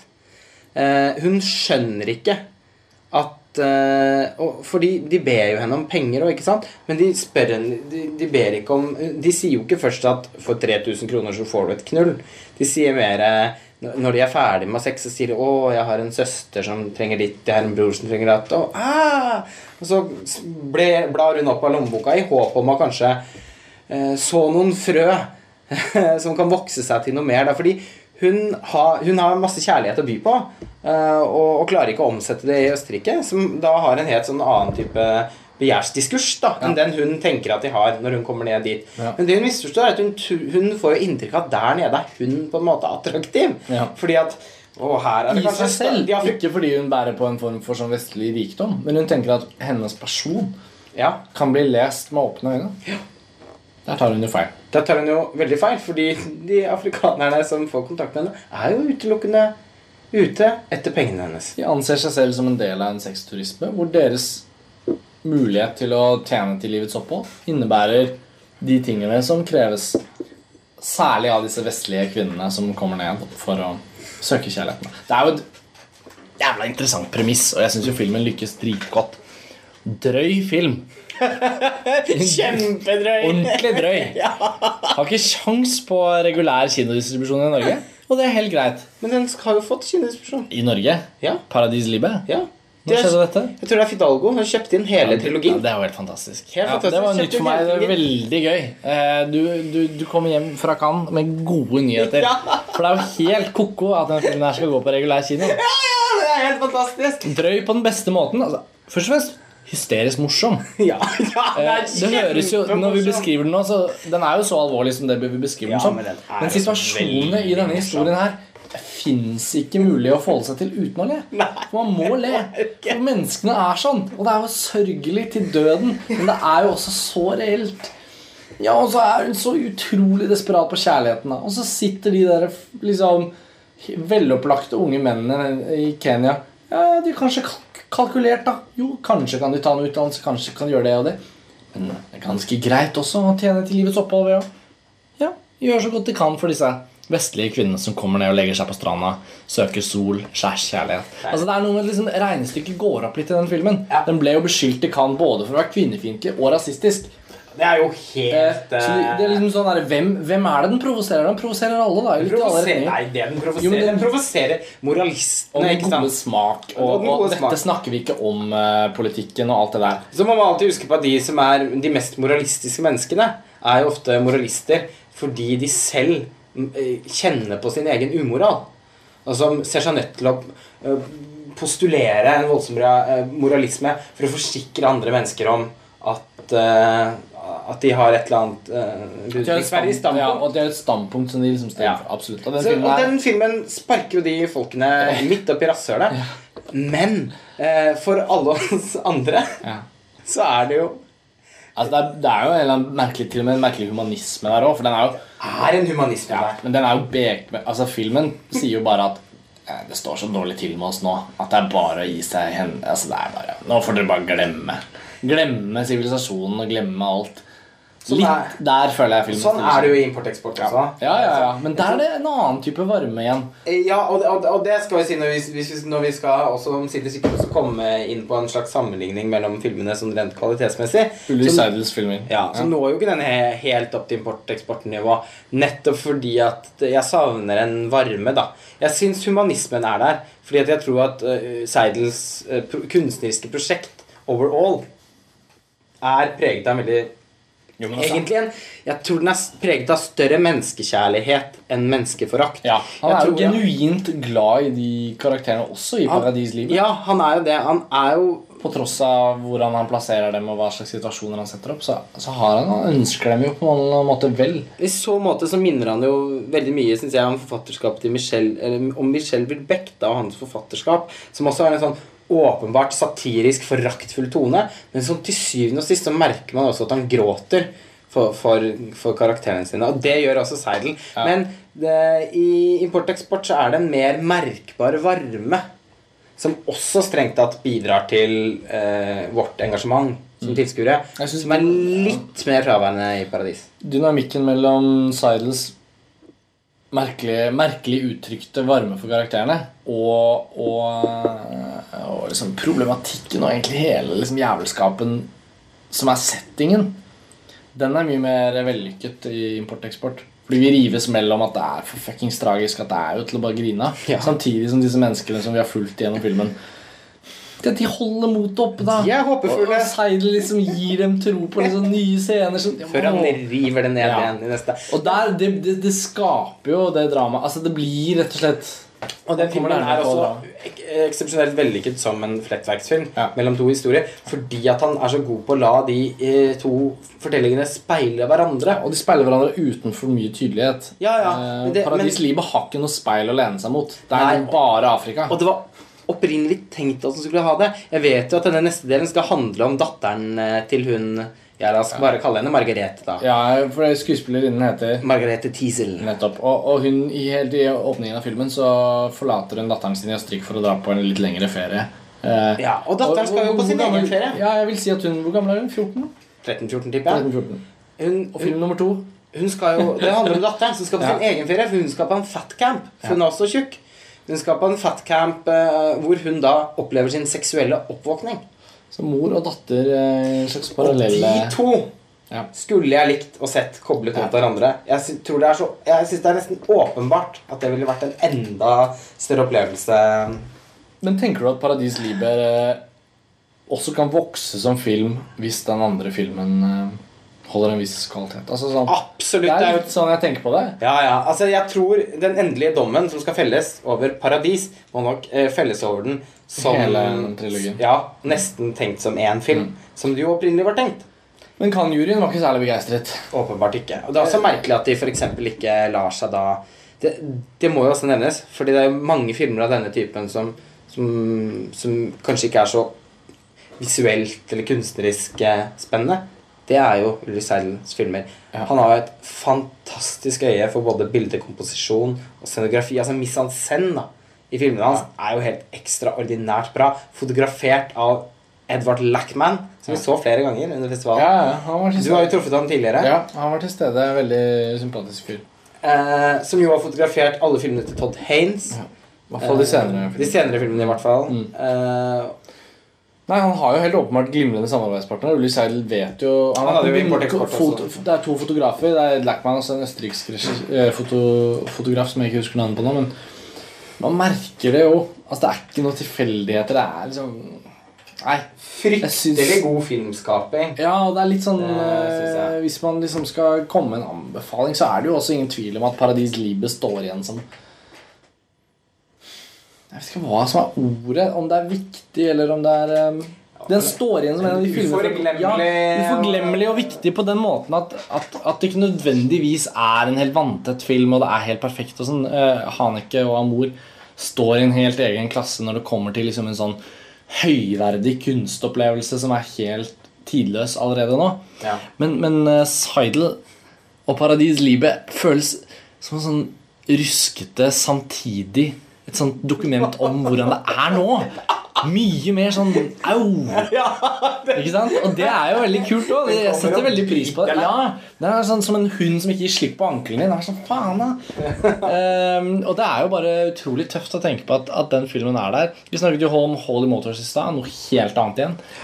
Og du har jo sett Regadas, da, som dessverre jeg ikke hadde anledning til. Alle de tre er liksom veldig, egentlig veldig forskjellige filmer. Ja. Men Bortsett fra det de har til felles, er at de er kunstnerisk veldig kompromissløse. Da. Og det så man lite av i Cannes-programmet i år. Nettopp, og det har en viss sånn oppsummerende funksjon nå. Eh, Det er jo ingen tvil om at de filmene som tør det der Bare en uke etter at vi har sett de, så kjenner vi jo på hvordan deres eh, allerede sånn holdbarhet og arv da føles mye mer relevant. Det er det Cannes Filmfestivalen burde vært til for.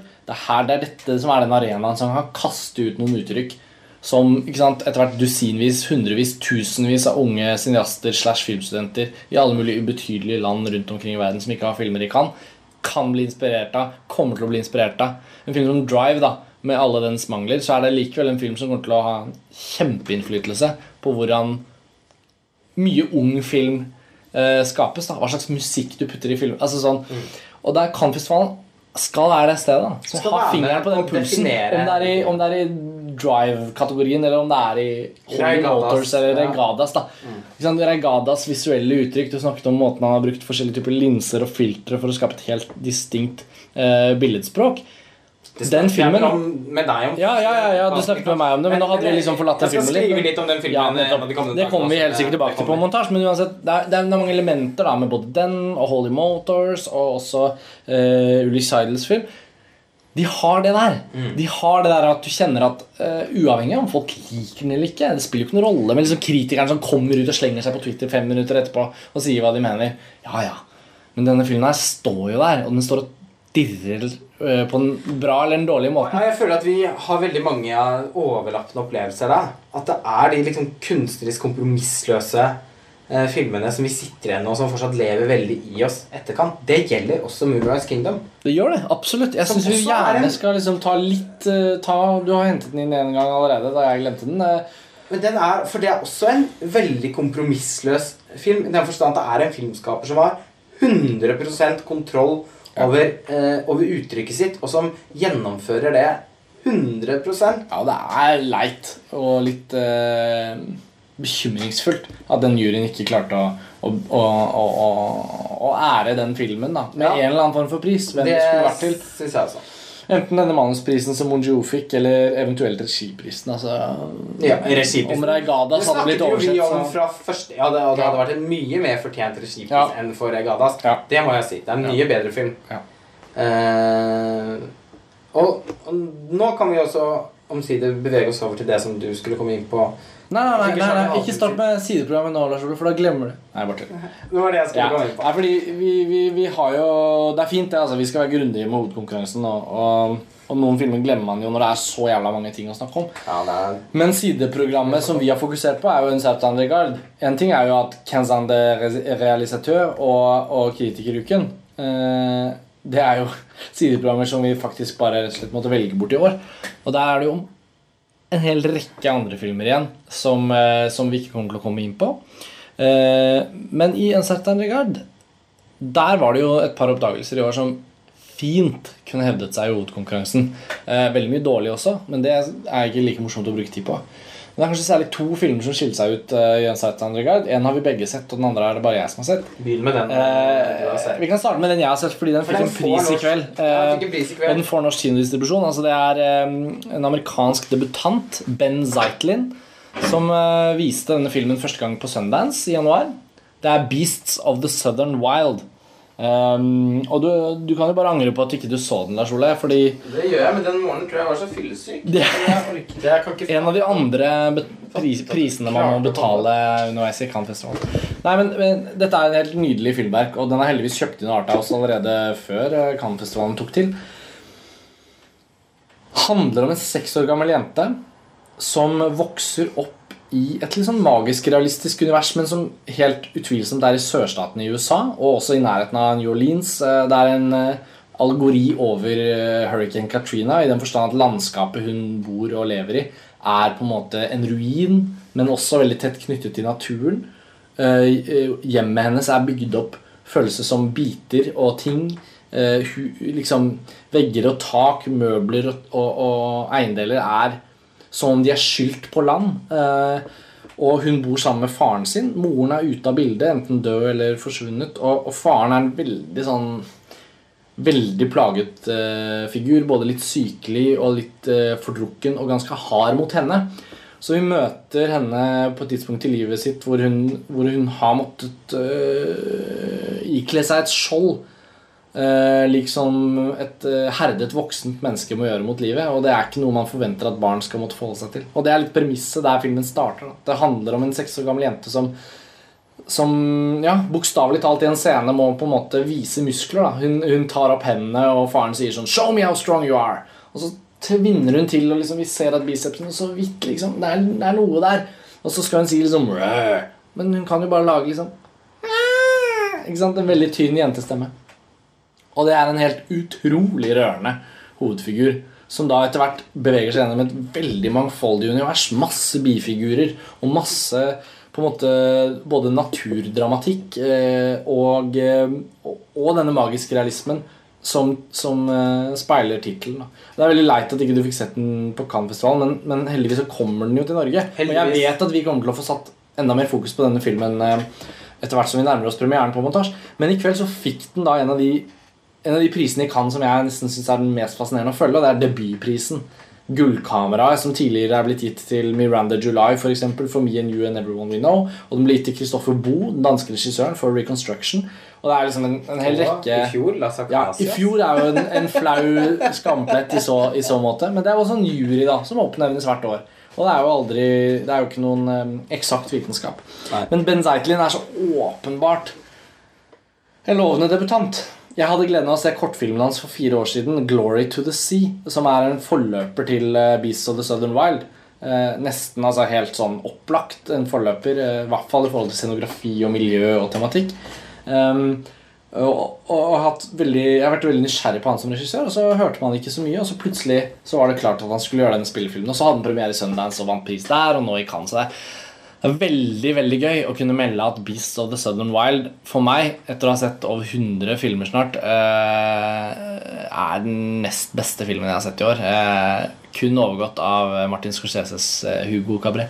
Bedre Ja. mor, med andre ord. Ja, men altså Ikke sant? Vi har jo diskutert dette off the record mens vi har vært på Cannes-festivalen. Det å rate filmer mens man er på sånt arrangement Amour har selvfølgelig allerede steget noen, liksom, noen eh, desimaler eh, siden sist vi snakket om dette, men det som var med Beast of the Southern Wild Jeg skal avslutte nå, men den var så genuint rørende. Altså, Ikke på den der sentimentale sånn der, 'nå er det påklistret at jeg skal bli beveget av denne filmen', men den var så gripende i den forstand at hovedpersonen er der med en gang. Prologen til filmen som er en slags sånn, bare sånn, der, bare sånn vill ut, vilt uttrykk for miljøet, mye mer enn karakterer.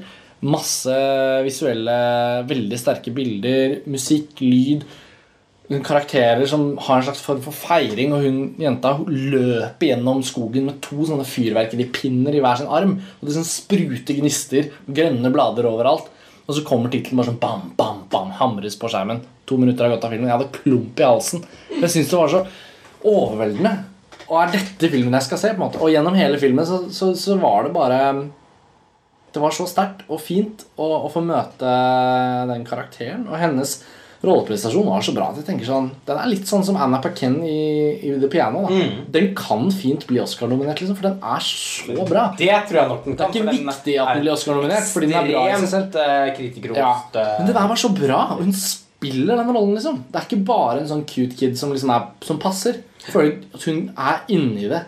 Uh, og og jeg, jeg ble så Jeg begynte bare å gråte på et tidspunkt der. For det er så sterkt. Uh, og det er også barnets forhold til foreldre, og foreldre som ikke klarer å leve opp til det de ønsker. Nei, Det er en veldig sterk film på veldig mange plan, og tematikken skinner gjennom hele veien. Og det er aldri kjedelig. Fins ikke et sekund kjedelig. Og det er det der med magisk realisme. Altså, den har dannet sitt eget univers. Jeg har ikke vært i sørstaten i, i USA, selvfølgelig, men man har jo visse bilder, om det er fra Oh Brother Where Art Thou, eller om det er fra stekte grønne tomater, eller faen, The Help, da. Til Paperboy? Ja, eller, ikke sant? Men det er så mange klisjeer om sørstaten i USA. Men denne filmen tegner opp egentlig en helt egen variant av sørstatene. Man har ikke noe egentlig man har ikke noe formening om, om hvor eller hva det måtte være. Fordi den setter sitt eget eh, Så virker, så virker det jo på meg også som at i tillegg, Som du sier at når filmen også da, Ja, ikke minst for deg, da. Du har kanskje Ja. den filmen Den jeg har truffet som har sett filmen som har blitt aller mest rørt, Ja. rørt av den. Ja, det var en veldig sterk reaksjon. eh. Ja, Du hadde liksom nesten Jeg samme reaksjon. alene. Jeg tror du hadde samme reaksjon på den som jeg hadde på Amor. ja. Som var bare sånn ja. Knusende Ja. Jeg klarte jo ikke å ikke gråte. Nei, nei, og den, den så vi jo sammen, og jeg var på en måte like rørt som deg, men det var liksom noe med at den traff deg på en eller annen sånn ja, men, traff ja. et eller annet ja, men, det er, men noen ganger så er det... En eller annen knapp du har, som bare gjorde at den traff deg på veldig veldig sterk måte. Det blir kunst, da. Det har vi snakket om mange ganger. At liksom, Ja. det blir Ja. Og på samme måte så tenker jeg at det er åp åp åpenbart for meg at, at Beast of the Southern Wild også treffer en eller annen sånn knapp hos deg Ja. som gjør at du liksom ikke klarer Ja, å. Det blir sånn uh, at ja, som du sier, Den blir jo en av de to beste filmene du har sett. jo, Og den Hugo har knappet trykket jo på den Jo, men knappen. det er jo, men det, jo- jo, men det er sånt som skjer. Ja. Det, er, det, det, er det, er det som også definerer grunnen til at Haneke-filmen er der for meg. For det er ikke noe sånn opplag Det er jo ikke en sånn favorittfilmfilm. Selv om den er er aldri så perfekt. Den er ikke der oppe med The Shining. Nei, jo, men altså, sånn- jo, men altså mor kommer til å mørnes veldig oppe. Ja, men det er ikke, jo, men, Men men, men grunnen til at jo, men Samtidig så Den trykket jo på en sånn knapp hos meg. At jeg ikke klarer å eh, på noen som helst måte separere meg fra filmen. Ja, ja, men det er jo ikke en film jeg normalt ville tenkt på som en sånn Ja, det var den filmen med de to gamle De to 80-åringene og hun som dør. Det er jo på en måte altså, Så det er egentlig den eh, Bortenfor liksom Haneke sin perfeksjonisme, så er det, er det den helt sånn rå emosjonelle kraften den filmen hadde, som gjør at Den for meg er årets aller beste film så langt. da Og det som jeg blir fascinert av Jeg som ikke har sett Beasts of the Southern, Southern jeg, som bare har sett traileren nå, tenkte mm, ja, den ser spennende ut, en av disse indie-filmene. Men når du forteller om den, på måten du gjør, så skjønner jeg jo virkelig at det også er en sånn emosjonelt hardtslående film. Samtidig som, jeg, som det også virker som at den er veldig sånn levende. Altså at den, at den er formmessig utforskende og særegen, som du sier, at bare det er en åpning Det er en prolog, liksom, som fanger deg med en gang, og som drar deg liksom kaster seg over deg. Og er det noe det har manglet på i det sideprogrammet, ja. Regar, Ja, så er det sånne typer filmer. Ja, for det var- Barbayevs Ja. Student han var bleke greier. Der har det vært mange kjipe filmer. Altså. Er, det er filmer som jeg faktisk heller ikke føler at det er spesielt verdt at vi skal belemre lytterne våre med. Nei, nei, vi må- men- men- jeg tror vi skal snakke om den andre filmen. Ja, vi skal gjøre det. Beast of the Southern Wild, i hvert fall for å avslutte om den, fikk jo også Fipreski-prisen i Uncertain Regard, så kritikerne eh, plasserte den der oppe. fra seg. Eh, og, eh, og vant jo som sagt alle prisene i Sundance, da. Uh, Uncertain Regard-prisene for øvrig var jo en rimelig skuffende affære, men, men den filmen vi skal inn på, fikk jo én pris, heldigvis. Det er kanskje ikke overraskende for de som følger montasje ybertett på bl.a. Facebook eller på Twitter, at denne filmen er uh, Lawrence Anyways av Xavier Dolan. Eh, hans forrige film var jo faktisk distribuert i Norge. Det var den. Heartbeats. eh, det var ikke mange som så den på kino. Ja. Eller Les Amours. Imaginaire. Um, kanadisk regissør. Han er 23 år gammel nå og har laget tre spillefilmer. Alle eh, i Cannes. Så han er jo et slags sånn vidunderbarn. Ja. Eh, veldig morsomt å sitere Alexander Payne igjen. Eh, What? He. Oh my god. Fuck that guy. Fuck him so much. He can suck his dick.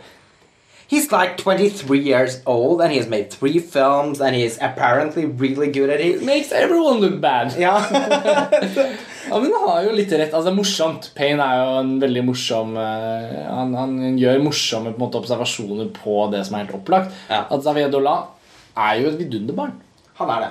Han er et supertalent og et vidunderbarn, og i år så lagde han jo sin beste film da, av tre. Men uh, Lawrence Anyways blir jo liksom rett og slett stående som en av de beste filmene vi så i Cannes. Ja. Og en av de beste filmene i hele år, tror jeg. Ja, særlig for deg. Særlig. Det er jo ikke til å komme bort fra at, at jeg liker den akkurat et hakk mindre enn deg. Men, men det er viktig å, å understreke at jeg, vi, vi liker den kjempegodt, og så liker du den enda litt bedre. Ja. Og det er helt greit. Og, og, og noe av det første jeg sa etter å ha sett den, var at jeg må bare se den igjen. Ja. For jeg følte at den Det er en, det er en kjærlighetshistorie som varer i to timer og 40 minutter. Og jeg sier det med en gang, den siste timen er den beste. Så det er ikke det at den er for lang. Nei. Men jeg opplevde jo at filmen da var såpass massiv Altså Den hadde så mye på hjertet at det var rett og slett vanskelig å følge den i den første timen. Jeg, jeg syntes det var strevsomt å henge på den. Og da følte jeg ikke at det var filmens Jo, det var filmens skyld. Det var ikke fordi den var dårlig, liksom dårlig, dårlig. Det var bra, men det var rett og slett komplisert å følge den. Den har en ganske krevende Og den er jævlig ambisiøs, fordi den har masse visuelle ideer den skal ha. Og den skal fortelle historien sin. Altså, jeg vet ikke hvor vi skal begynne Og den, og den har mange rollefigurer, og den, har, den også, velger også å presentere altså den, den er fortalt som en kunstfilm. Ja. Så den har jo et litt utilgjengelig fortellerspråk, rett og slett. Men kort, kort fortalt så handler den om uh, Lawrence Alien. Ja, den handler om et par. En gutt og en jente. Unge voksne som er sammen og forelsket i hverandre. Midten av 30-årene. Midten av 30-årene og de ti årene som følger. Cirka. Det som skjer underveis, er at gutten, mannen, Lawrence, eh, innser at han egentlig skal være kvinne. Og han gjennomgår en kjønnsoperasjon. Og det skaper jo trøbbel for dette forholdet, men uansett om de er sammen eller ikke, så klarer ikke disse to menneskene å gi slipp på hverandre. Det er en eller annen sånn ubrytelig gjennomtrengende kjærlighet som både ja, den transcenderer kjønn og, og tid og sted. Og, og det er det på en måte Dolan har på hjertet her. Altså, han, han vil rett og slett vise hvor, hvor sterkt et sånt bånd er på tvers av Ja, noe så spesielt som at han vil skifte kjønn. Ja, og det er på en måte ikke nødvendigvis det at han skifter kjønn. Det, Nei, han sånn altså- kommer jo veldig langt Ja. ut i løpet. Ja, nei, det er ikke Han sånn bokstavelig viktig, nei. eh, Kjønnsidentitet. Nettopp. Han si? inntar en ny stilling, rett og slett. Ja. Uh, og, og dette er jo foregår, dette foregår over ti år. Til slutt så blir han jo en kvinne. Ja. Men uh, han det den handler om, er jo Og det som gjør Dette er en film med et ordentlig tema. Et veldig Skikkelig tema. og, den er, og det er et veldig universelt tema. Det er ikke en film som handler om en transe som gjennomgår en kjønnsskifteoperasjon. det er også helt på siden. Den handler om to mennesker som ikke klarer å leve livet uten hverandre. Uansett Uansett hvor, hvor mye som kommer imellom dem. så må de hele tiden finne tilbake til hverandre. Og det er så jævlig rørende. Hver gang så klarer de ikke Med en gang de begynner å liksom Og, de, og så går det lang tid før de ser hverandre. liv, Ja. nye Og så glemmer de hverandre litt. Og med en gang de blir påminnet på hverandre, så Så er det ikke noe vei ut. så det ikke noe vei utenom, og så må de bestille en flybillett. Og, og, og to timer og 40 minutter varer det, og det er aldri kjedelig. Eh, Nei, det er ikke det, altså. Det er, eh, er en det er episk kjærlighetshistorie, Ja. for å si det sånn. Og, det, og den er et En Ja. Den, den er liksom Det er en bulldoser av en film. Den kjører over det. Det går For meg så er den filmen Den blir så umulig å stå imot. Jeg vet jo også at det er folk som ikke har vært like begeistret for filmen. Ja. Det er nok den filmen som har Beast of the Southern Wild er en Sundance-film. Jeg ser ikke på det som en Cannes-film, egentlig. Eh, av filmene i en certain regard i Cannes, så er det jo Lawrence Enway som er den som har generert samtaler og buzz. Og vi var jo på premierevisningen, som seriøst for meg føltes som det største øyeblikket i Cannes. Fordi det føltes som om man var med eh, At man deltok i et øyeblikk som var viktig. Fordi eh, dette, den premierekvelden var da hvor Savien Dolan gikk fra å være en mm, skremmende ung Bortskjemt lov- Bortskjemt liten drittunge, men riktignok en lovende filmskaper, Ja. til å bli altså, en av de mest interessante filmskaperne vi har i dag. Ja, han har virkelig, virkelig notert seg etter å ha lagd dette. For det, Det var 20 minutters stående applaus Ja, det var det, og trampeklapp. og- Og, han sto der med tårer i øynene og var liten som han er, med bakoversleik Ja. og pingvindress. Men det var noe med også hele ikke sant, det var noe Jeg tenkte på det underveis i filmen. Altså, han, han la jo ikke et øyeblikk gå fra seg. Han la jo ikke én stillhet vare før han skrur på en ny låt. Eller han la ikke ett bilde henge før han har et nytt. Altså sånn Det er ikke bare liksom en talentfull, bra tredjefilm fra en regissør. Det er det man måte må si helt tydelig. Dette er en, uh, dette er en film som har så overveldende ambisjoner for å være en stor film. Eh, at, og den klarer det. Og det er heller ikke da overraskende at Dolan, som er en veldig frittalende person som ikke legger skjul på noen ting, han ville jo at denne skulle være hovedkonkurransen i Cannes. Han var skuffet over at den var satt i sideprogrammet. Nei, men dette er jo en konkurransefilm, som han sa. Ikke sant? Og det, og det, og det, skjønner, det er lett å forstå han, fordi skal man sette hovedkonkurransen der eh, den skal være, da Det er den viktigste filmfestivalen i verden, og det bør være utstillingsvinduet for ytterpunktet. Altså der hvor, man, der hvor man er enige om at her skal filmkunsten tøyes. Liksom her skal Om ikke nye oppfinnelser, så Nei, nei. skal det i hvert fall komme verk på banen som sier at vi må ikke glemme at vi holder på noen med film. Og som tar noen steg, nei, Ja, og som holder på med film. Ja, ikke sant? Som, som tar tak i den gummistrikken og strekker og strekker. Og. Det kan være sånn. Og så kan man komme med alle de der mainstreamen, og så kan vi humpe og gå, og så kommer disse jævla man- gjennom hele året. Men så har man i hvert fall den arenaen der. Ja, Og det tror du Lan så veldig hadde laget en film som skulle høre til i det. Og selv om den ble vist, og selv om vi har fått sett den, og sånn, så er nok den plasseringen i en certain regard Det blir liksom at de ikke hadde De hadde ikke nerve til å tro på det. At de ikke hadde antennene ute. Nei, sant? De var gamle, kan man nesten tenke. Det er trist å tenke på. Ja. Vi, ja, vi, var jo, vi var jo så heldige at vi var på dette både før- og etterparty til den filmen. Ja. Hvor vi da fikk anledning til å snakke med de to hovedrolleinnehaverne. Ja. Vi har veldig gode roller i den filmen. Og- Hun Susanne Clement vant jo også da prisen i en certain. Ja, for det var jo den eneste prisen da uh, Xavier, uh, og Lawrence Anyways fikk uh, i går kveld, da prisen i en regard ble delt ut. Xavier Dolan forlot visstnok salen umiddelbart. Da han skjønte at det ikke det ble hovedprisen. Eh, syns jeg, syns det er kult, jeg. Ja. Han er fordi det er det. Den er der. Og, og det som jeg, når vi snakket med de skuespillerne også, så sa vi også, ga vi veldig tydelig uttrykk for at vi syns at at det var helt merkelig at den ikke var i hovedkonkurransen. Og de var jo også liksom Yes, of course, we should make We are not the ones to say if it's right or not, but uh, Veldig ydmyke, men så kom det. ja, men så kom det. But we're very thankful for you saying so because you know we were really, really disappointed. Yeah, especially du kunne egentlig sagt bare sånn Fuck those people. What the fuck? We got a great film here. Men det er jo en av de beste Det, er, altså, det, er jo, det var jo helt innlysende en av de beste filmene som ble vist i Cannes i år. Ja. Som, Det var det ingen tvil om. Det var det vel egentlig ingen tvil om da visningen var over. og de- og, og jeg med mine reservasjoner kan også si meg enig i det. Ja, ikke sant? Og alle vi snakket med, nesten også, som hadde sett noe som vi kjenner, som vi hang sammen med, hadde jo akkurat samme oppfatning. Ja. At i all verdens rike for en fantastisk film. Og den ligner ingen andre filmer heller. Det er noe som er så fett med den. Serena er åpenbart veldig inspirert av Pedro Almodovar og Van Carvay og men det ligner likevel ikke altså Det kunne aldri vært en bedre Almodovar-film. Det kunne aldri vært en Von Carvay-film. Det, han- det er med den filmen ikke en Von Carvay-film. Nei, nå, det er med den filmen her hvor jeg føler at han virkelig la, finner sin egen form. Og for en form! Eh, fotarbeidet i filmen, skutt i Academy Ratio, er jo helt Det er jo til å få frysninger av hvor bra det Ja, er. ja, det er veldig, veldig bra. er så sterke bilder i den filmen. Både, både lys og komposisjon. Og, og, Så bra! Mise en scène, altså, scenografien, kostymene, som attpåtil Xavier Dolan har designet selv. ja. Rulleteksten var jo full av humor. Ja, det var jo bare Xavier Dolan. Manus Xavier Dolan. Regi Xavier Dolan. Produksjon. Produksjon Xavier Dolan. Klipp. Klipping Xavier Dolan. Og kostymedesign Xavier Dolan. Så man skjønner jo Alexander Payne når han sier at 'fuck that guy'. He makes everyone else look bad. Ja, eh, det må jo bare jeg, Så jeg føler jo Jeg føler jo bare at det er viktig å si i vår lille liksom, offentlighet her at, at denne filmen må Ikke bare må den ses, og der håper jeg alle benytter anledningen når det dukker opp på en festival og lignende, men vi får virkelig krysse fingrene og håpe at en av de norske distributørene ser potensialet i den filmen, for den har et reelt publikumspotensial. Det har den. I den grad en Almodovar-film skal kunne gå på norske kinoer, og, og distributøren trygt setter den opp, så er jo dette også en film som er i den kategorien. Kanskje må man etablere navnet mer. Kanskje må man sette i gang noen, noen tematiske samtaler rundt filmen som, som skaper oppmerksomhet.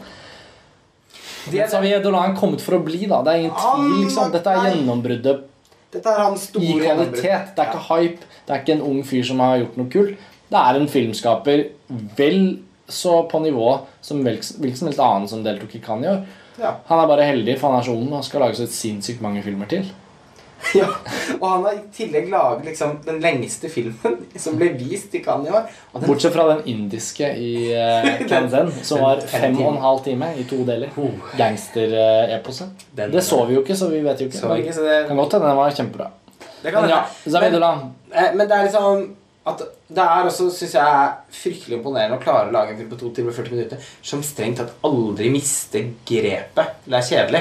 Altså, den, Den er helstøpt. den er er Jeg har satt liksom. med oppskutte øyne under hele den visningen, og Ja. de var ofte blanke av tårer. Ja. Og det var eh, egentlig ikke pga. historien i seg selv. Det er først mot slutten at den virkelig setter inn kniven. Men fordi jeg syns det er så rørende å se en filmskaper som lager så vakker film, og som, og som velter seg rundt med liksom, Han bruker alle virkemidler han kan for å nå fram til det. Han gjør jo da også åpenbart det. Han har så jævlig god smak! Ja. Hva Nei. er det for et soundtrack? Ja, det er, ja, det er, det er jo en egen podkast i seg selv. Hvor man bare spiller låtene, og så sitter man og geeker ut. Vi har jo nesten ikke hørt på Nei. noe annet. De Ja, det er veldig, veldig, veldig, veldig tøft. Uh, vi slenger på en link til uh, en playlist som samler musikk fra Ja. Lawrence Anyways i artikkelen om podkasten på. Men eh, En mann som evner å lage en diskotekscene i sakte film i et blått rom med lilla strobelys med folk som kaster dem hodene i slow motion med 80-90-talls hårsveiser til The Cures The Funeral Party. det representerer vel en slags form for sånn uh, Sanadu for deg? Ja, det gjør det! det. Uh, jeg, nei, jeg blir nesten tårer bare jeg Ja. tenker på den filmen. Men det er veldig fint å ha den. Fy For nå, faen, så bra. ja, og nå nærmer vi oss jo en avslutning. Det er jo en oppsummerende episode som, som på, en måte, på en måte aldri kan ta slutt. Nei. Men uh, hvis den skal ta slutt, og det føler jeg den er på vei til å gjøre, så er det jo Lawrence Anyways og Xavier Dolan som på mange måter fun fungerer som et vellykket punktum for hvordan vi opplevde Cannes-festivalen i vår. Det var jo på en måte Jo, vi må alltid tilbake til Amor. Altså, Michael Hanekas Amor var så sterk og så bra. Og vi gikk og tok opp en podkast om den.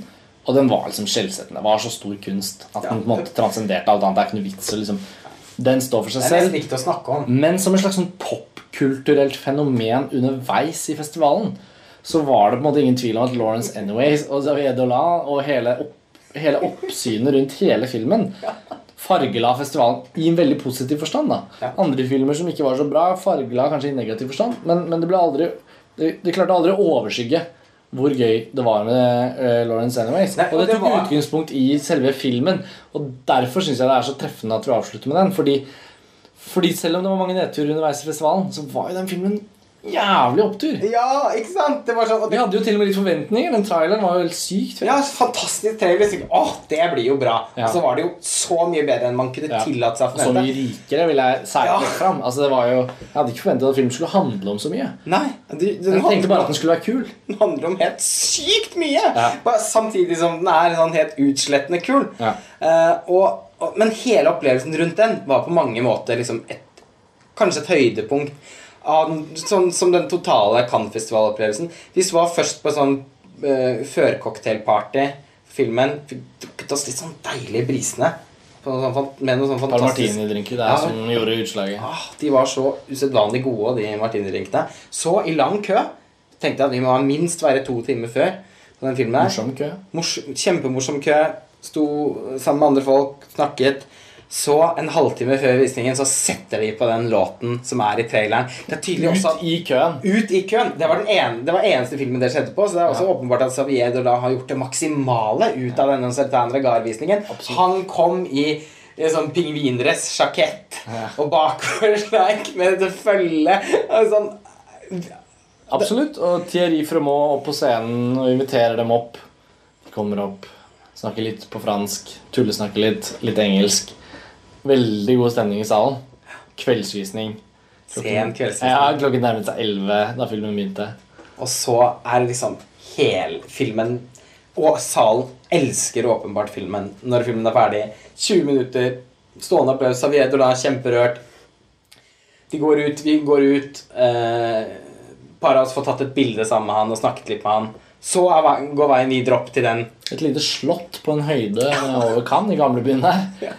Eh, hvor eh, distributøren eller eh, Ja, eller eh, MK2, da, som har eh, i hvert fall distribusjonen, kanskje også har produsert den. Eh, fransk, fransk selskap som hadde satt opp et veldig bra festarrangement.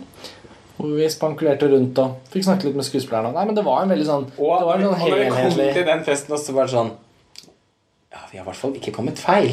Nei. Like kul som filmen. Ja, musikken helt åpenbart valgt ut fra der. Dolan. Alle menneskene som var der, var som om de gikk rundt i Kanskje mest heartbeats, egentlig. Ja, det vil jeg si. Ja, det vil jeg si. Men, eh, nei, men det var jo ingen tvil om det. Det er jo fint å ha med det også her. Altså, den filmen ble virkelig opplevd i de best mulige rammer. Det går an å oppleve den Det filmen. Og da var det jo også veldig tydelig at en film som det kan ikke liksom suppes inn på en sånn døll DVD-utgivelse.